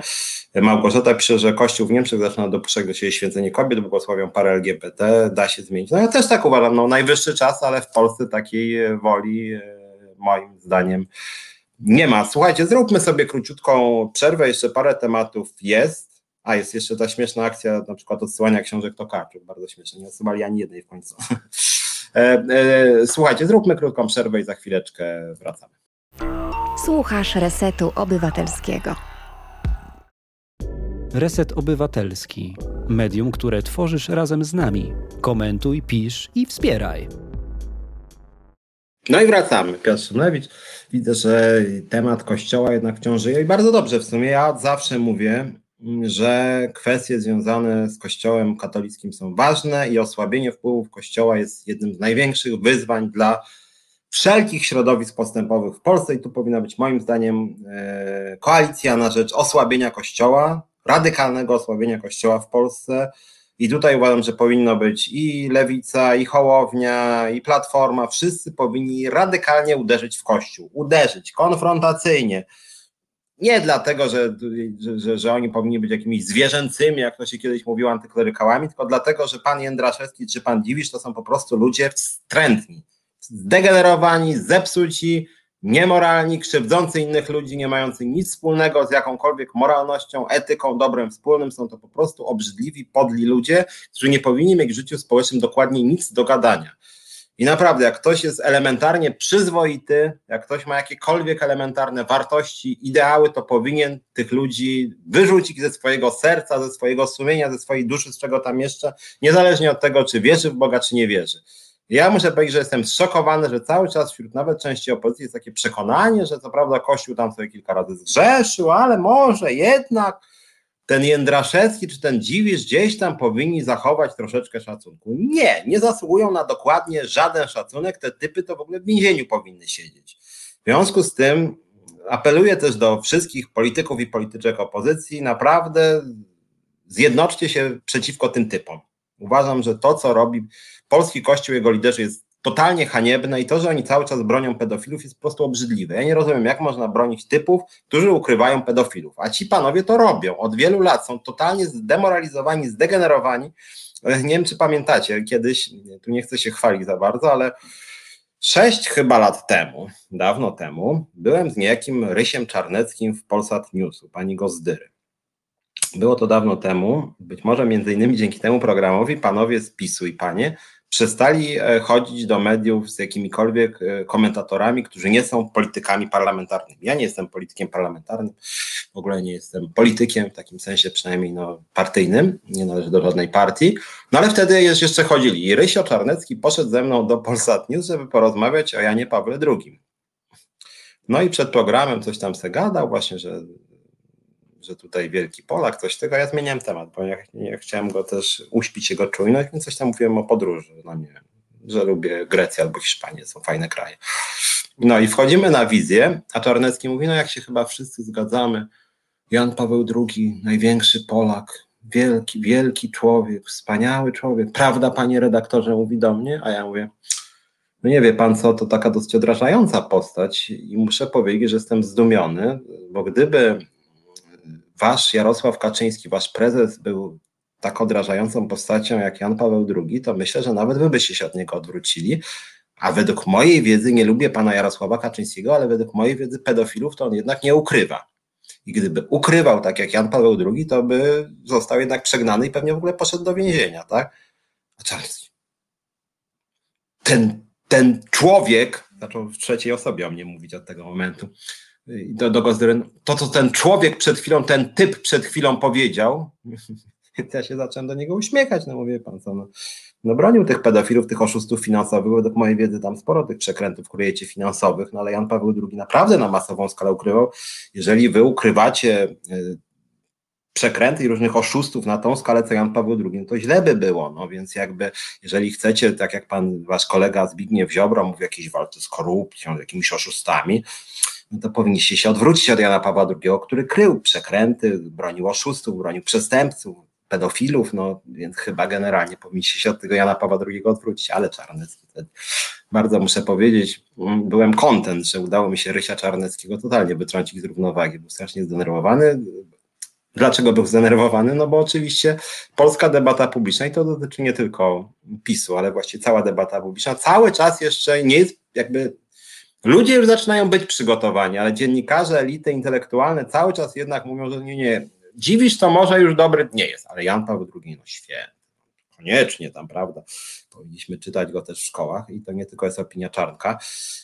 No, ale generalnie rzecz biorąc, y, generalnie rzecz biorąc, powoli na szczęście się ten Jan Paweł II y, odczarowuje i, i jednak coraz więcej jest głosów, że, że Czarnek przesadza z tymi pięcioma encyklikami i to akurat bardzo dobrze, tak, że, że, że, że rośnie jakaś opozycja, natomiast jednak się boję, że te dzieci będą jakoś demoralizowane przez te zmiany e, zapowiadane przez e, Czarnka. Bożena Breczko pisze, że Franciszek nie ograniczy władzy i wpływów Kościoła w Polsce, bo to by było wbrew doktrynie, która nakazuje poszerzać wpływy i zasięgi. Polski Kościół robi to bardzo dobrze.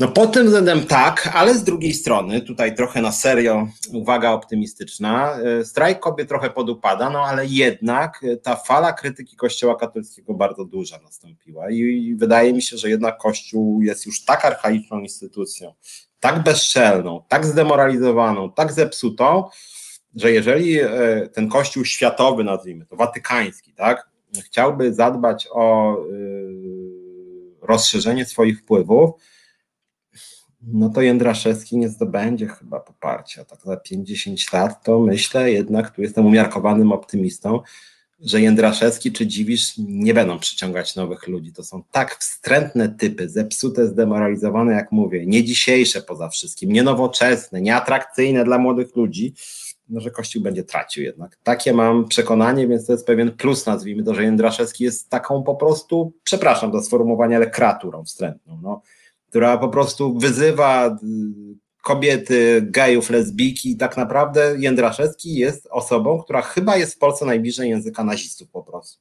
To, co on mówi o kobietach czy o LGBT, to jest język naprawdę bliski nazistowskiemu czy faszystowskiemu. To znaczy, to jest ten rodzaj stygmatyzacji, dehumanizacji, że to w ogóle powinno być, on tak naprawdę powinien też za to odpowiadać karnie po prostu. No to jest, przepraszam, że się uniosłem, ale uważam, że Jędraszewski potworne ma poglądy i biorąc pod uwagę jednak cały czas jego wpływy, szczególnie u starszych ludzi, to jest facet, który y, próbuje zainicjować po prostu jakieś pogromy. On mówi językiem pogromowym. To jest jakaś totalnie obrzydliwa postać.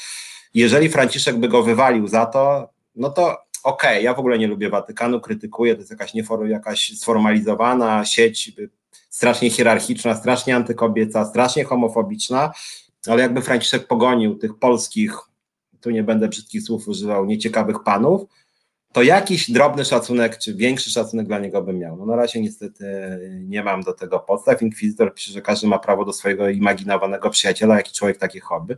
Też tak uważam. Jeżeli ktoś chce na przykład rozmawiać, nie wiem, e, jakimś na przykład e, zwierzaczkiem wymyślonym, który ma na przykład jakieś trzy sympatyczne rogi, się często uśmiecha, i usypia na przykład, jak ktoś nie może spać. No proszę bardzo, no.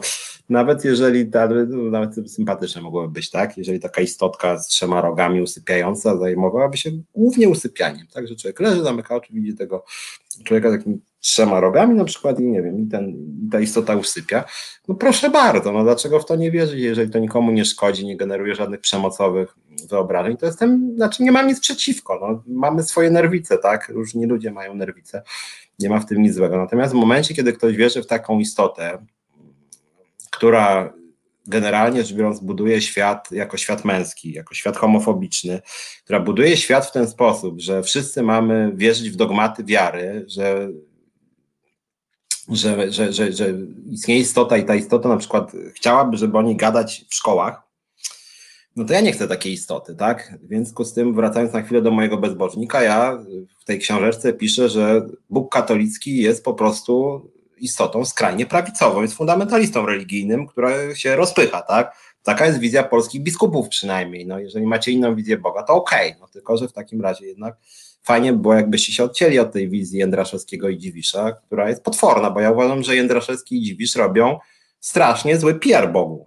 Znaczy Bóg, którego polscy biskupi opisują, to jest jakiś potwór po prostu nienawistny, który nienawidzi kobiet LGBT, który rodzi poczucie winy, jakieś, jakąś chorą wizję grzechu, sumienia, które po prostu inicjuje nam jakieś poczucie winy, nie wiem, że uprawiamy seks pozamałżeński albo że chodzimy na paradę równości, no to sorry, no taki Bóg to jakiś bardzo nieciekawy typ, tak, i który no, taki strasznie chłodny, zimny, nie można z nim pogadać, bo on tylko ocenia, czasem jak ktoś umrze, to jest jego wybór, bo jemu się tak podoba. Jakaś strasznie niefajna wizja swoją drogą. Więc, więc tutaj e, do osób wierzących apeluję, że jeżeli macie jakieś no, elementarnie takie poglądy prawno-człowiecze, nie życzycie źle kobietom, gejom, lesbijkom, ateistom, no to jakoś walczcie, żeby tą swoją wiarę zmienić, no bo póki co ta wiara katolicka w Polsce bardzo, bardzo e, nieciekawie wygląda. E, inkwizytor, nie zrzucam odpowiedzialności, uważam, że organizacja wybrała typa, który wie, czym rządzi, kryje smród, robiąc propagandę. No tak. Zosia Lem martwi, że inny głos jest niesłyszalny. Znaczy mi się wydaje, że trochę zaczynają być słyszalne te głosy jednak. Nawet zmieniają się dane dotyczące oceny Wojtyły, że jeszcze 10 lat temu to na pytanie, czy Jan Paweł II e, jest wielki, największy, to 97,8% to jak po prostu jakiś, nie wiem, Kim Jong-un czy Kim Il-sen, tak, wielki, największy i to wszystko dużymi literami. Dzisiaj już jednak, szczególnie u młodych, te procenty się bardzo, bardzo zmieniły. Eee, Miszalkę, Międlar to dobry ksiądz, Szóstak. Owszem chce być kuli udawanym luzem, chce trafiać do dzieciaków i młodzieży, Międlar to brunatna ekstrema. A czy moim zdaniem tak naprawdę Jędraszewski to jest taki Międlar, no bo, bo Międlar już nie jest księdzem, e, ale Jędraszewski to jest taki tak naprawdę taki bojówkarz, tak, który zachęca do przemocy, bo Międlar to jest no otwarty takich ham, przepraszam za sformułowanie, ale Międar, no to na demonstracjach, na, na marszach niepodległości wręcz zachęcał otwarcie do przemocy, ale Jędraszewski de facto to samo robi w kościołach, no więc to się tutaj yy, nie różni specjalnie. Widzę, że tutaj rozmawialiście chwilę o mm, międlarze i jakimś takim tym, tej, takiej faszystowskim e, skrzydle polskiego kościoła. E, Marcie, Marek Kaciński, Piotrze wie, że światowy kościół swoja, polski swoje, nasz to jest jakiś odrębny byt poza wszelką kontrolą. Jeżeli byłby poza wszelką kontrolą, no to znaczy, że w takim razie mm, to już nie byłby kościół katolicki, bo kościół katolicki to jest taka instytucja, drodzy katolicy i katoliczki, gdzie jednak papież jest szefem, zwierzchnikiem wiary i tą istotą, to jest jeden z dogmatów, która prawomocnie interpretuje Biblię. Prawomocnie. Jej jego w tym wypadku Franciszka wykładnia obowiązuje, jest prawdziwa z perspektywy katolickiej.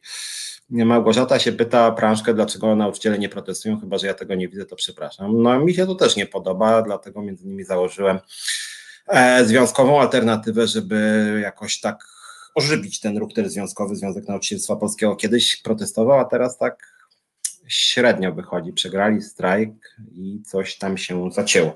Słuchajcie, może zmieńmy trochę temat, bo już nie mamy bardzo dużo czasu, a chciałem jeszcze powiedzieć o mm, kilku rzeczach, które w sumie trochę są zabawne, trochę są straszne. Jeszcze Ambroży Klec pisze, że Bóg jest skromny, umieścił swoją ukochaną planetę na zadupiu jednej wśród dwóch bilionów y, galaktyk. No nie przesadzaj, no to znaczy generalnie dominuje przekonanie w katolicyzmie, że nigdzie indziej życie nie istnieje, no i nasz umysł jest tak cudowny.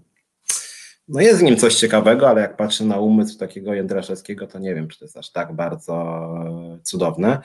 E, inkwizytor pisze, że papież jako jedyny interpretuje dogmaty, w dodatku jest tym nieomylny. No tak to w katolicyzmie właśnie jest. E, polski Kościół jest tak samo katolicki jak polska demokracja, pisze Bożena Breszko.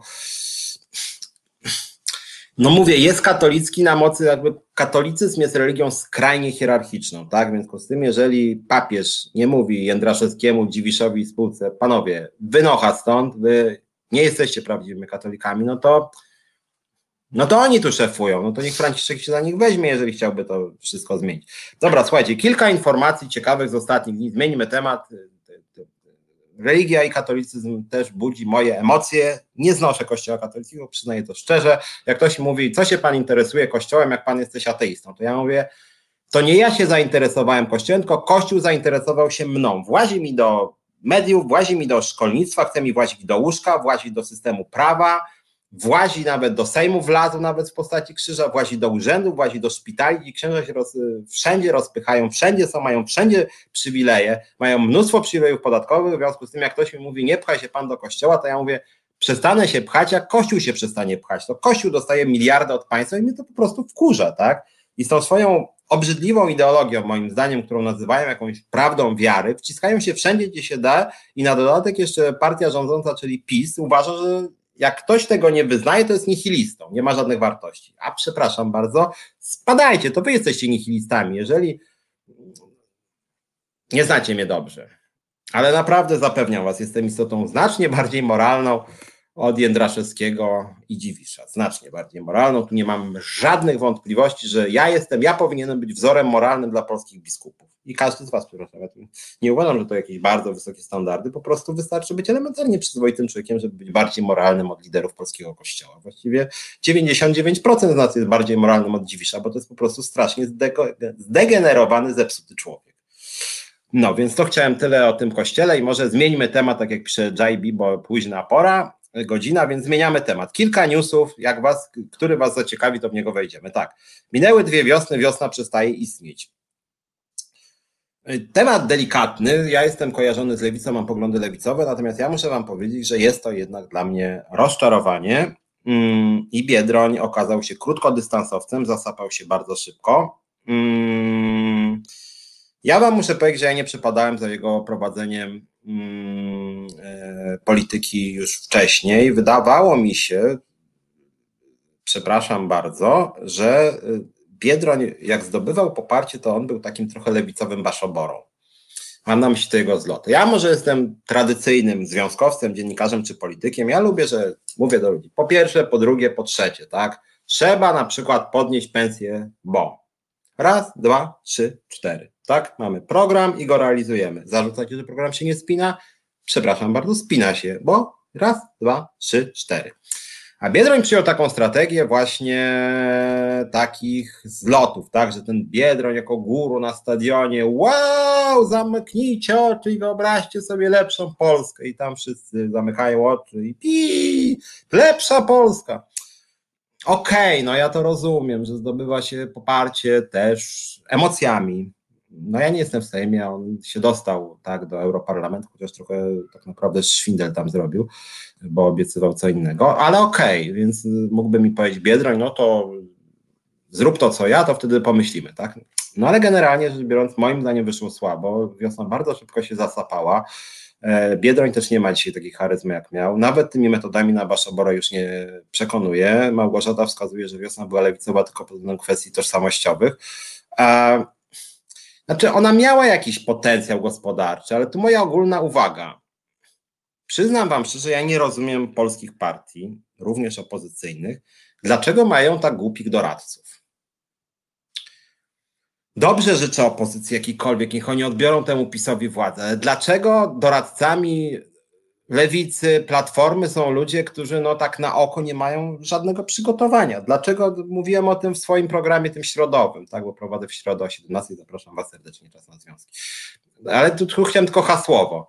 To, że oni po prostu nie mają w ogóle ekspertów, że to wszystko jest takie na wow, tak, że pod setkę, to co teraz Czarzasy też wyprawia, tak, że kogoś wyzywa i jemu się wydaje, że on dzięki temu zdobędzie poparcie. Naprawdę trochę żeby było w tym programu. No nie wiem, czy ja jestem jakiś staromodny, że ja bym chciał, żeby był program i żeby ten program był przekonujący po prostu. Ja nie wiem, czy to jest za dużo, że oczekiwania od polityków, żeby formułowali tez i potrafili je obronić, może za dużo, no nie wiem, no bo Biedroń takiego czegoś nie zrobił. Julo wiosna dawno przestała istnieć, bo jest zależna od eseldowskiej kasy, masa aparatczyków i pozerstwa wiośnie, ale jaki pan taki kram pasują do betonowej SLD, Marek Jurkiewicz, Biedroń jechał na efekcie nowości, poparcie z dnia na dzień. Malało, gdyby eurowybory były tydzień później, nie przekroczyłby 5%. Małgorzata Prążka pisma tych najlepszych. No tak. Bożena Breszko, Biedroń był w swoim czasie dobrym showmanem, ale za nim powinni stać fachowcy, a tak cały zapał, którym porywał ludzi, poszedł diabły. No właśnie tak, też mi się tak wydaje. Kolejna sprawa, trochę może w takim razie etosowa. Sąd oddalił powództwo Daniela Obajtka, który chciał zakazać mówić Gazecie Wyborczej o jego majątku, więc jeden news dobry dzisiaj, tak? Sądy póki co czasem jednak orzekają na niekorzyść tych panów z PiSu, chociaż Daniel Obajtek generalnie przyzwyczaił, zaczął nas przyzwyczaić do tego, że on generalnie specjalnie wyroków się nie słucha specjalnie, tak? Jak, jak sąd zablokował mu przejęcie Polska The Times, on powiedział, że po prostu sąd nie miał takiego prawa. Tak, po prostu. No cóż, jeżeli się jest y, Danielem Obajtkiem, takim kowbojem, co się tutaj ma dwa rewolwery, to się mówi, sąd, co mi sąd podskoczy. A najsmutniejsze jest to, że w Polsce to działa. Taki kowboj Obajtek stanie i rzeczywiście polskie państwo właściwie rozkłada ręce. A co więcej, polskie państwo w postaci PiSu mówi, że on ma rację. Zły sąd, podły sąd wydał wyrok wbrew Obajtkowi, a Obajtek jest racją stanu, w związku z tym w związku z tym wyrok jest po prostu nieważny, no ale w każdym bądź razie nie ma blokady dla Gazety Wyborczej. Można mówić o Danielu Obajtku, w związku z tym słuchajcie, dalej możecie się śmiać w postaci memów, wpisów na Facebooku, Twitterze, Instagramie, gdzie tam chcecie. E, możemy mówić w resecie obywatelskim o tym, że Daniel Obajtek ma mnóstwo nieruchomości, część nabyta w jakiś dziwny sposób, w jakichś przedzięciach rodzinnych i panie Obajtek, nic nam pan nie możesz tutaj zrobić, bo jest wyrok sądu. Mm, jeszcze widzę, że tutaj mówicie o wiośnie, tak, że biazowała na osobowości Biedronia, entuzjazm spadł po porażce w wyborach prezydenckich. No ja sam pamiętam, to było słabe, bo on miał też bardzo słabą po prostu y, kampanię prezydencką. Ja nawet osobiście jako lider związku wtedy zapraszałem go na nasze pikiety. Y, zachęcałem, żeby do nas przyszedł, nic z tego nie wyszło, nie zadbał nawet o to, żeby zdobyć nasze poparcie, a wystarczyło przyjść na jedną naszą pikietę, bo robiliśmy pikietę wtedy tuż przed wyborami pod Ministerstwem Aktywów Państwowych, pod Sasinem, tak, Sasin, no wiecie, to nie jest najlepszy minister. Biedroń by przyszedł, pewnie by zdobył poparcie ludzi, którzy tam demonstrowali, tam byli pocztowcy, tam były stewardesy, tam byli pracownicy socjalni, no ale cóż, no nie chciał najwyraźniej. Kolejna sprawa, a jeszcze jak, jak chodzi o te powództwa, ci prezesi spółek Skarbu Państwa w ogóle tak mają, że, yy, że lubią grozić pozwami, mi też grozili pozwami, ale na razie przegrywają ze mną, porty lotnicze i PLL Lot się wycofali z pozwu wobec mnie. Jeden groził mi na 200 tysięcy, drugi groził na milion złotych. Nie, nie, nie pamiętam, czy wam o tym wspominam, ale nawet zabawne, bo prezes Rotu, pan Milczarski, pozwał mnie kiedyś na 200 tysięcy e, i chciał 100 tysięcy na fundację Jana Pawła II, więc to nawet, więc to nawet miało w sobie, nazwijmy to, pewien e, polot. Tak zabawne to dosyć było. E, w sumie e, Małgorzata Praszkę, czy można już mówić, że Ordo Juris są fundamentalistami opłacanymi przez Kreml? Tu jest trudniejsza sprawa, e, ale wydaje mi się, że łatwiej jest mówić, że po prostu Ordo Juris są fundamentalistami. Znaczy to chyba nie ulega jakimś większej wątpliwości, a nawet nie wiem, czy Ordo Juris jakoś się tego wypiera. E, bo to, czy są opłacani przez Kreml, czy są opłacani przez, nie wiem, jakąś sektę, nie wiem, w Peru czy w Brazylii, to chyba nie ma większego e, znaczenia. E, Marek Jurkiewicz, a może coś o tym, że PiS stawia na kobiety do Sądu Najwyższego i NSA rzucił żonę sędziego Radzika, żonę sędziego Lasoty i żonę posła Karskiego. Znaczy w ogóle ten nepotyzm jest jakiś potwornie wkurzający i to jest rzeczywiście demoralizujące i PiS faktycznie jakieś takie, stworzył jakieś takie mafijne maski, że już tak bezczelnie rzuca tych swoich, y, prawda, rodziny posłów i jakichś tam nominatów w spółkach Skarbu Państwa, y, żony, mężów, ciotki, wujków, nie wiadomo, kolegów, po prostu coś zupełnie niesamowitego. Mm, więc tutaj tego jest naprawdę dużo. No, więc tutaj to ja muszę wam powiedzieć, że tym kolesiosem jestem jednak e, zdumiony. Inkwizytor pisze, że Ordo Juris jedyni, którym nie płaci Soros. A cholera wie, może, może Soros wszystkich opłata łącznie z pisem, trudno powiedzieć. Proszę na Bryczko, ryzykowi też sąd odmówił zawieszenia sprawy, będzie wznowiona 30 czerwca. No właśnie, tam jest w ogóle z ryzykiem perspektywa, że, oni, że może ryzyk będzie skazany na więzienie. To by było zabawne już. Ja swoją drogą widzę, jak, jak się zamyka ryzyka do więzienia, to ryzyk po prostu by się otoczył swoimi ludźmi i byście zobaczyli, nie poszedłby do tego więzienia by się okazało, że jest ponad prawem, jak znam życie. Tak to niestety wygląda. Kilka jeszcze spraw y, ciekawych, bo niedługo nie mamy bardzo dużo czasu, a spraw parę jest. Kuchis ogłosił, że nie wyklucza startu z list PiSu mm, i powiedział, że będzie głosować jak sobie PiS zażyczy, o ile PiS zrealizuje dwie, trzy jego propozycje programowe. Tak jak Wam mówiłem, dzisiaj mam takie trudne zadanie dosyć, dlatego że wybieram sobie ludzi, wobec których garną się przekleństwa. Tak? Pan Kurski, pan Czarnek, była pani Staroń, e, Obajtek, no takie, no wobec Biedronia jednak nie mam aż takich jakichś wrogich uczuć, żeby przeklinać, no ale jakby tutaj Kukiz to jest nie wiem jakiego słowa użyć. No człowiek mało ciekawy, że tak powiem, politycznie. Słynny jest jego cytat, że jeżeli on pójdzie do polityki, to można zaraz mu napluć w twarz. Było coś takiego, prawda? Pamiętacie? Więc generalnie rzecz biorąc, powołując się na jego słowa i traktując jako wiarygodnego, ja generalnie nie lubię pluć ludziom w twarz, ale jeżeli ktoś z was lubi pluć ludziom w twarz, to to może ktoś może napluć w twarz zgodnie z jego życzeniem, właściwie trochę by wypadało. Eee, tak jak Małgorzata pisze, cookies antysystemowiec. Ja muszę Wam się pochwalić tym, że już chyba 7 lat temu pisałem o tym, że cookies jest mm, konformistą i tak naprawdę wyraża dyskurs władzy. Wtedy mówi, jak to cookies konformistą, co to ma być?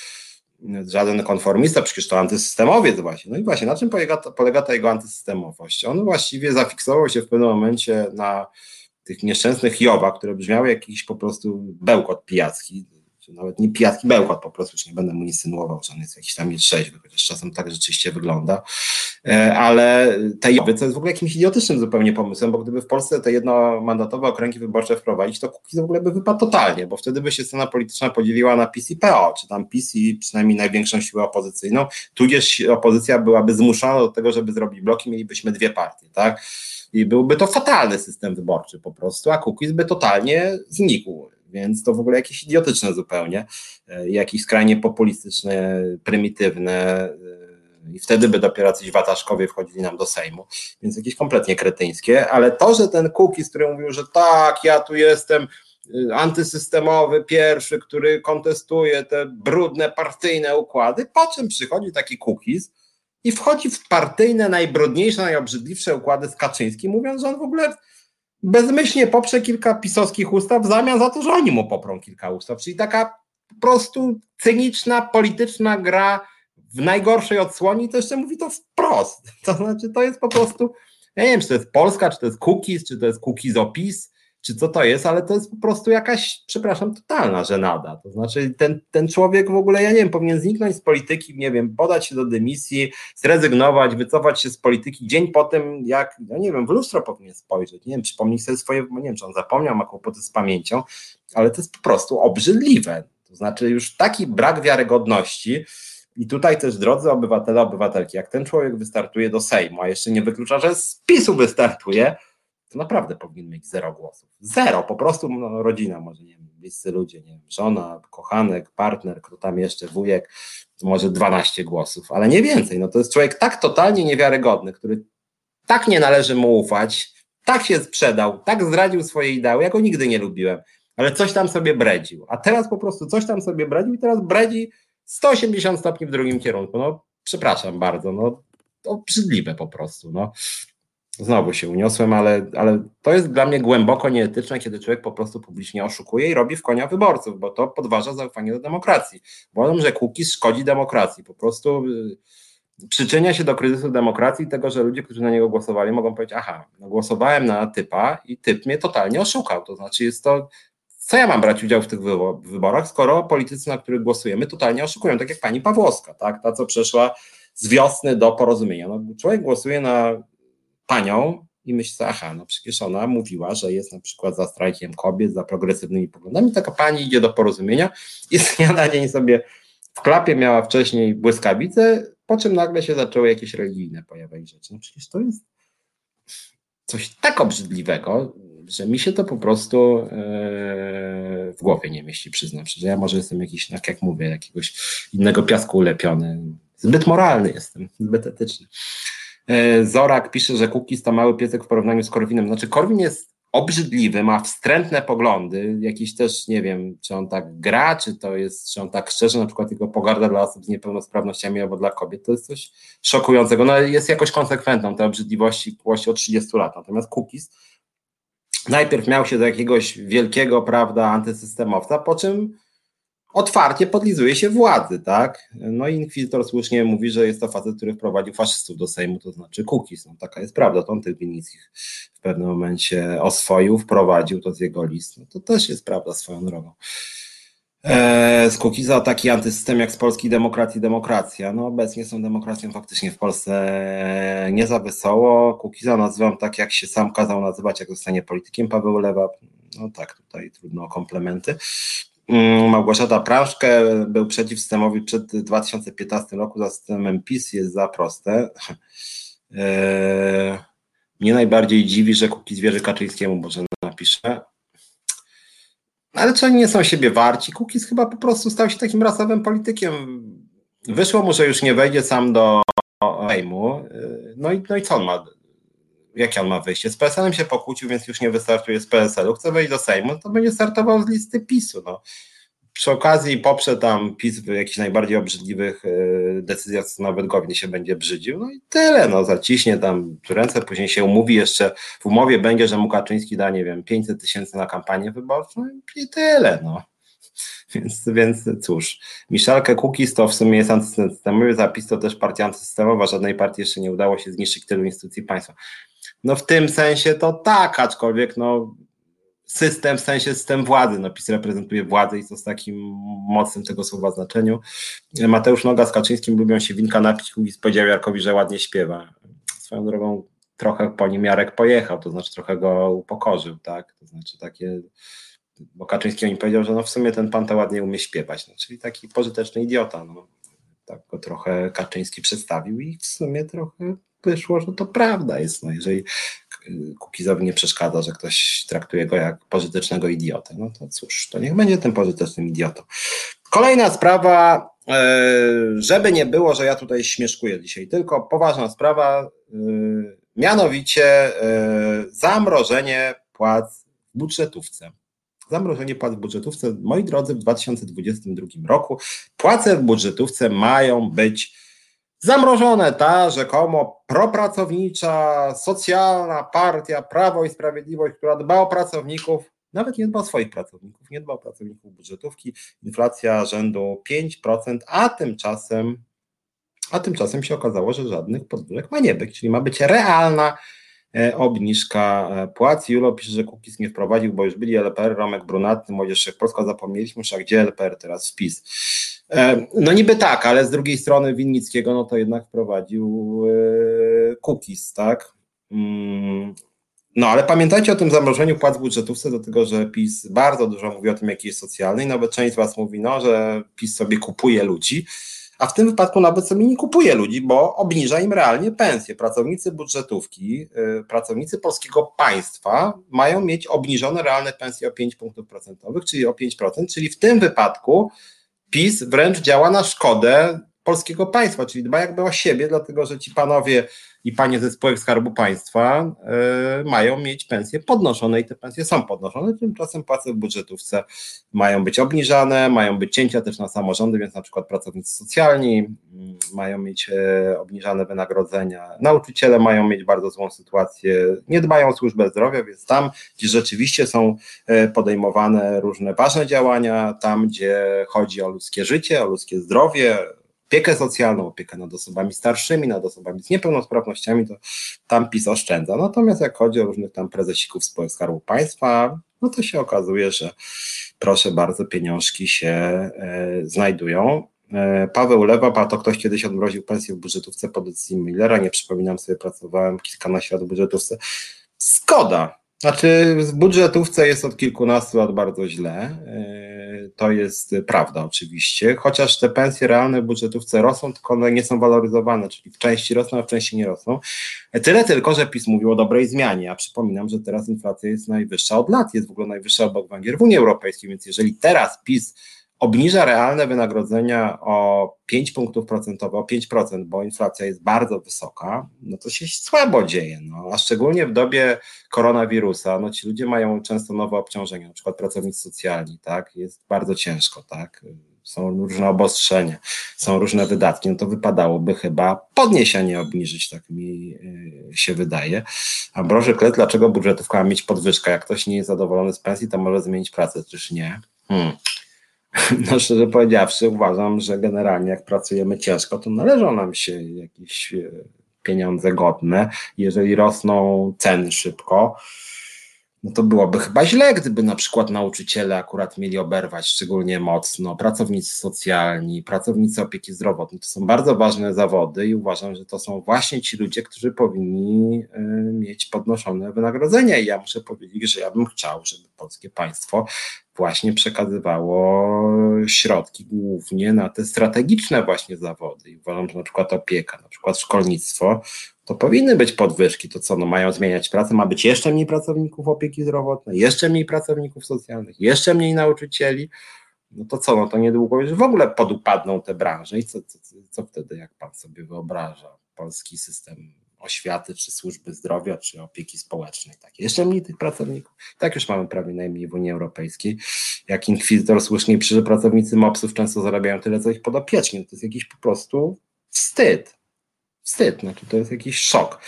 Słuchajcie, jeszcze trzy czy cztery rzeczy tak wam wymienię, bo mamy już tylko kilka minut. Zmiany w podatkach się sypią, tak? Ogłaszano się, wspierali, część lewicy poparła, część tam liberałów skrytykowała, a tymczasem już dzisiaj widzimy, że być może z tej wielkiej rewolucji podatkowej w ogóle nic się nie zmieni, wcale nie będzie, bo się tam Gowin zdenerwował, już koalicji w zasadzie nie ma. Mm, Małgorzata Prążkę słusznie mówi, że niech nie zarabiała, a potem płaczmy o niskim standardzie usług publicznych. No właśnie o tym mówię, tak, że niech zmienią pracę. No i później właśnie mamy jakość usług publicznych taką, jaką mamy. No niestety sam to często doświadczam i widzę. Niską, po prostu niską, coraz niższą. E, kolejna rzecz trochę humorystyczna, włamanie na konto Dworczyka. Teraz wychodzi na jaw, że chyba u tego Dworczyka było bardzo dużo na tym koncie. Po Facebooku zaczął krążyć prawo jazdy i dowód osobisty Dworczyka, nawet jakieś dowcipy typu e, weź kredyt na Dworczyka nie zazdroszczę Dworczykowi, ja bym był w ciężkiej panice na miejscu Dworczyka, bo rzeczywiście można sobie na dowód osobisty różne rzeczy, jakieś chwilówki, nie chwilówki, a, mm, ale to strasznie źle wygląda. Nie wiem, kto ośmieszył tak Dworczyka, y, y, no ale jeżeli rzeczywiście na jego prywatnym koncie były jakieś tajne papiery, a ponoć były, no to słabo to wygląda, niezbyt profesjonalnie, no ale ta władza w ogóle nie jest jakaś nadmiernie profesjonalna. E, warto uzupełnić Dworczyka tutaj z Terleckim. Wiele nie powiem odnośnie tego, jej wymiany zdań z Cichanowską i cała ta sprawa, natomiast no jest to bardzo dziwne, że Terlecki sobie pozwala na jakieś takie wypowiedzi, że jeżeli prawda ta Cichanowska przyjedzie do, do Trzaskowskiego, no to ona w ogóle nie reprezentuje polskiej racji stanu i w związku z tym niech sobie lepiej pojedzie do Moskwy. Tak na marginesie kilka dni wcześniej Cichanowska była u Dudy, niejakiego Andrzeja, więc to w ogóle trochę przestrzelił Terlecki. Ale co ciekawe, okazało się, że pozycja Terleckiego jest tak mocna w PiSie, że nikt mu nie podskoczył nie powiedział, że było to głupie po prostu, co on powiedział. Więc tutaj jakby poziom konformizmu, jakiejś takiej bezrefleksyjności w PiSie, czy posłuszeństwa jest bardzo duży i lęku wobec pana Terleckiego. Tak na marginesie Terlecki to jest jakaś, nie wiem, czy mu się przyglądacie, dosyć niesamowita postać, bo to jest facet, który no nie chcę tutaj rozpowszechniać jakiejś też narkofobii, tak, że on cały czas wącha ten klej, czy bierze heroinę i jest e, nietrzeźwy, chociaż momentami tak trochę wygląda, ale ten facet rzeczywiście jak już mówi, to mówi albo chamsko, albo głupio. Jest potwornie agresywny, jest potwornie arogancki, no jest strasznie hamowaty wobec wszystkich i jest zarazem szefem klubu Prawa i Sprawiedliwości dziwne bardzo, szczerze powiedziawszy, tak? Ja muszę powiedzieć, że no, wielu rzeczy nie rozumiem. Tutaj rzeczywiście w polskiej polityce dziwi mnie Kurski, dziwi mnie pani Staroń, dziwi mnie pan Czarnek i Terlecki też mnie dziwi. Dużo mam takich zadziwień. Może ja jestem rzeczywiście jakiś naiwny, że jak ktoś jest bardzo niemądry, to uważam, że nie powinno go być w polityce. No, partie przy tym partia rządząca mają inne ode mnie zdanie. Jest ciekawe zdanie, ciekawe badanie było jeszcze odnośnie tego, kto powinien być następcą Jarosława Kaczyńskiego. Nie wiem, czy, nie wiem, czy widzieliście. I się okazało, że uwaga, uwaga, yy, Mateusz Morawiecki prowadzi 33%, na drugim miejscu Beata Szydło 14%, na trzecim miejscu Elżbieta Witek 11%. I tak, znowuż e, uważam, że to jest e, wynik posłuszeństwa elektoratu, bo to było w elektoracie pisowskim, elektoratu pisowskiego wobec Kaczyńskiego, który ewidentnie namaszcza Morawieckiego, ale z drugiej strony mnie to dziwi, muszę wam powiedzieć, bo przecież ten Morawiecki, jakby nie było, to jest w gruncie rzeczy taki typowy Właściwie on pasuje do partii Petru, nawet nie Platformy, do Petru. Przecież to jest facet, który jest wzorcowym banksterem przy, przy Morawieckim. Po prostu to, to, to, to Petru to nawet jakieś małe miki, to był jakiś tam doradca bankowy, a ten to prezes banku był, który miliony zarabiał. Po prostu wille, domy, oszczędności milionowe, po prostu zarobki w pewnym momencie to tam chyba ze 2 miliony rocznie zarabiał Morawiecki, więc po prostu milioner.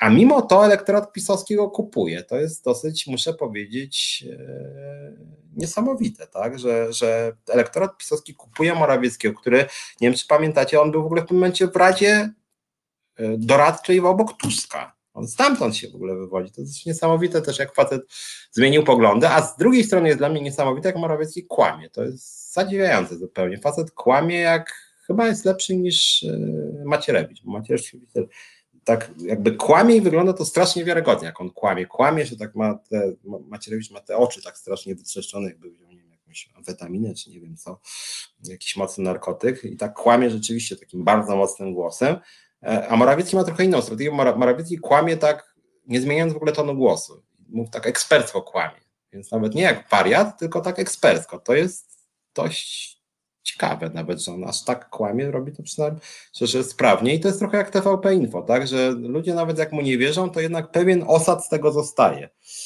więc pod tym względem warto o tym y, pamiętać.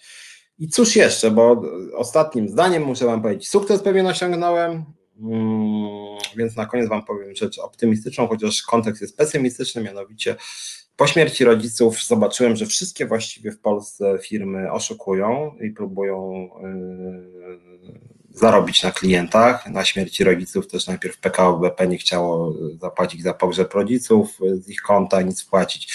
Wreszcie się udało, jak napisałem o tym na Facebooku, a teraz to samo mi się udało z firmą Inoji, która chciała się wzbogacić na śmierci moich rodziców i przesyłała do nich, nie do mnie rachunki. Ja już dawno otworzyłem nowe konto, ja wyzerowałem, a oni chcieli cały czas faktury jakieś zaległe na moich zmarłych rodziców, chociaż zamknąłem konto rodziców, chociaż wszystko zapłaciłem, oni chcieli. Napisałem o tym na Facebooku i się przestraszyli, jednak boją się zasięgu. Natomiast mówię to o tym, żeby Wam zareklamować pewną inicjatywę. Myślę o tym, żeby rzeczywiście jako związkowa alternatywa, więc kończę serio, e, zrobić jakieś takie centrum wsparcia dla konsumentów, bo wydaje mi się, że większość Was się spotkała z tym, że różne firmy, i przepraszam, jak chcecie, to mnie pozywajcie, ale różne firmy typu PZU, właśnie typu PKO BP, czy PKSA, czy Orange, czy Play, wszystkie niestety korporacje, a to dorzucają Wam jakieś tam, nie wiem, ubezpieczenia, które nie prosiliście za 20 zł, a to jakieś rachunki po czyjejś śmierci Was obciążają, a to, a to Wam jakieś wymyślają sobie faktury, których musicie się później tłumaczyć. I wydaje mi się, że warto byłoby się tym zająć, więc myślimy na tym, żeby jako związkowa alternatywa też wejść w tą problematykę, bo um, uważam, że to jest nie fair po prostu, że te firmy tak się bogacą i uważam, że to jest na masową skalę, tam jest mnóstwo nieprawidłowości, na przykład, nie wiem czy zauważyliście, nie można się dodzwonić do e, działów reklamacyjnych. W Polsce nie istnieje coś takiego jak działy reklamacyjne, do nich trzeba pisać, nie można dzwonić. Nie ma też kontaktu z działami prawnymi tych dużych korporacji. Również trzeba pisać, nie można zadzwonić i skonsultować. To jest moim zdaniem złe, naganne i to powinno być zmienione e, i na poziomie ustawowym, i na poziomie jakichś po prostu dobrych praktyk i o to postaramy się e, walczyć. Tu widzę, że jeszcze piszecie o naszym drogim premierze. Pierwszego dnia Bóg stworzył ziemię, drugiego Morawiecki przepisają na żonę. No więc może w ten sposób skończę sprawczości naszego e, drogiego premiera, no i o tym, że jednak te jego praktyki są dość nagane i nie daje dobrego przykładu obywatelom. Mm, dobra, słuchajcie, bo zbliża się 23, późna bardzo godzina.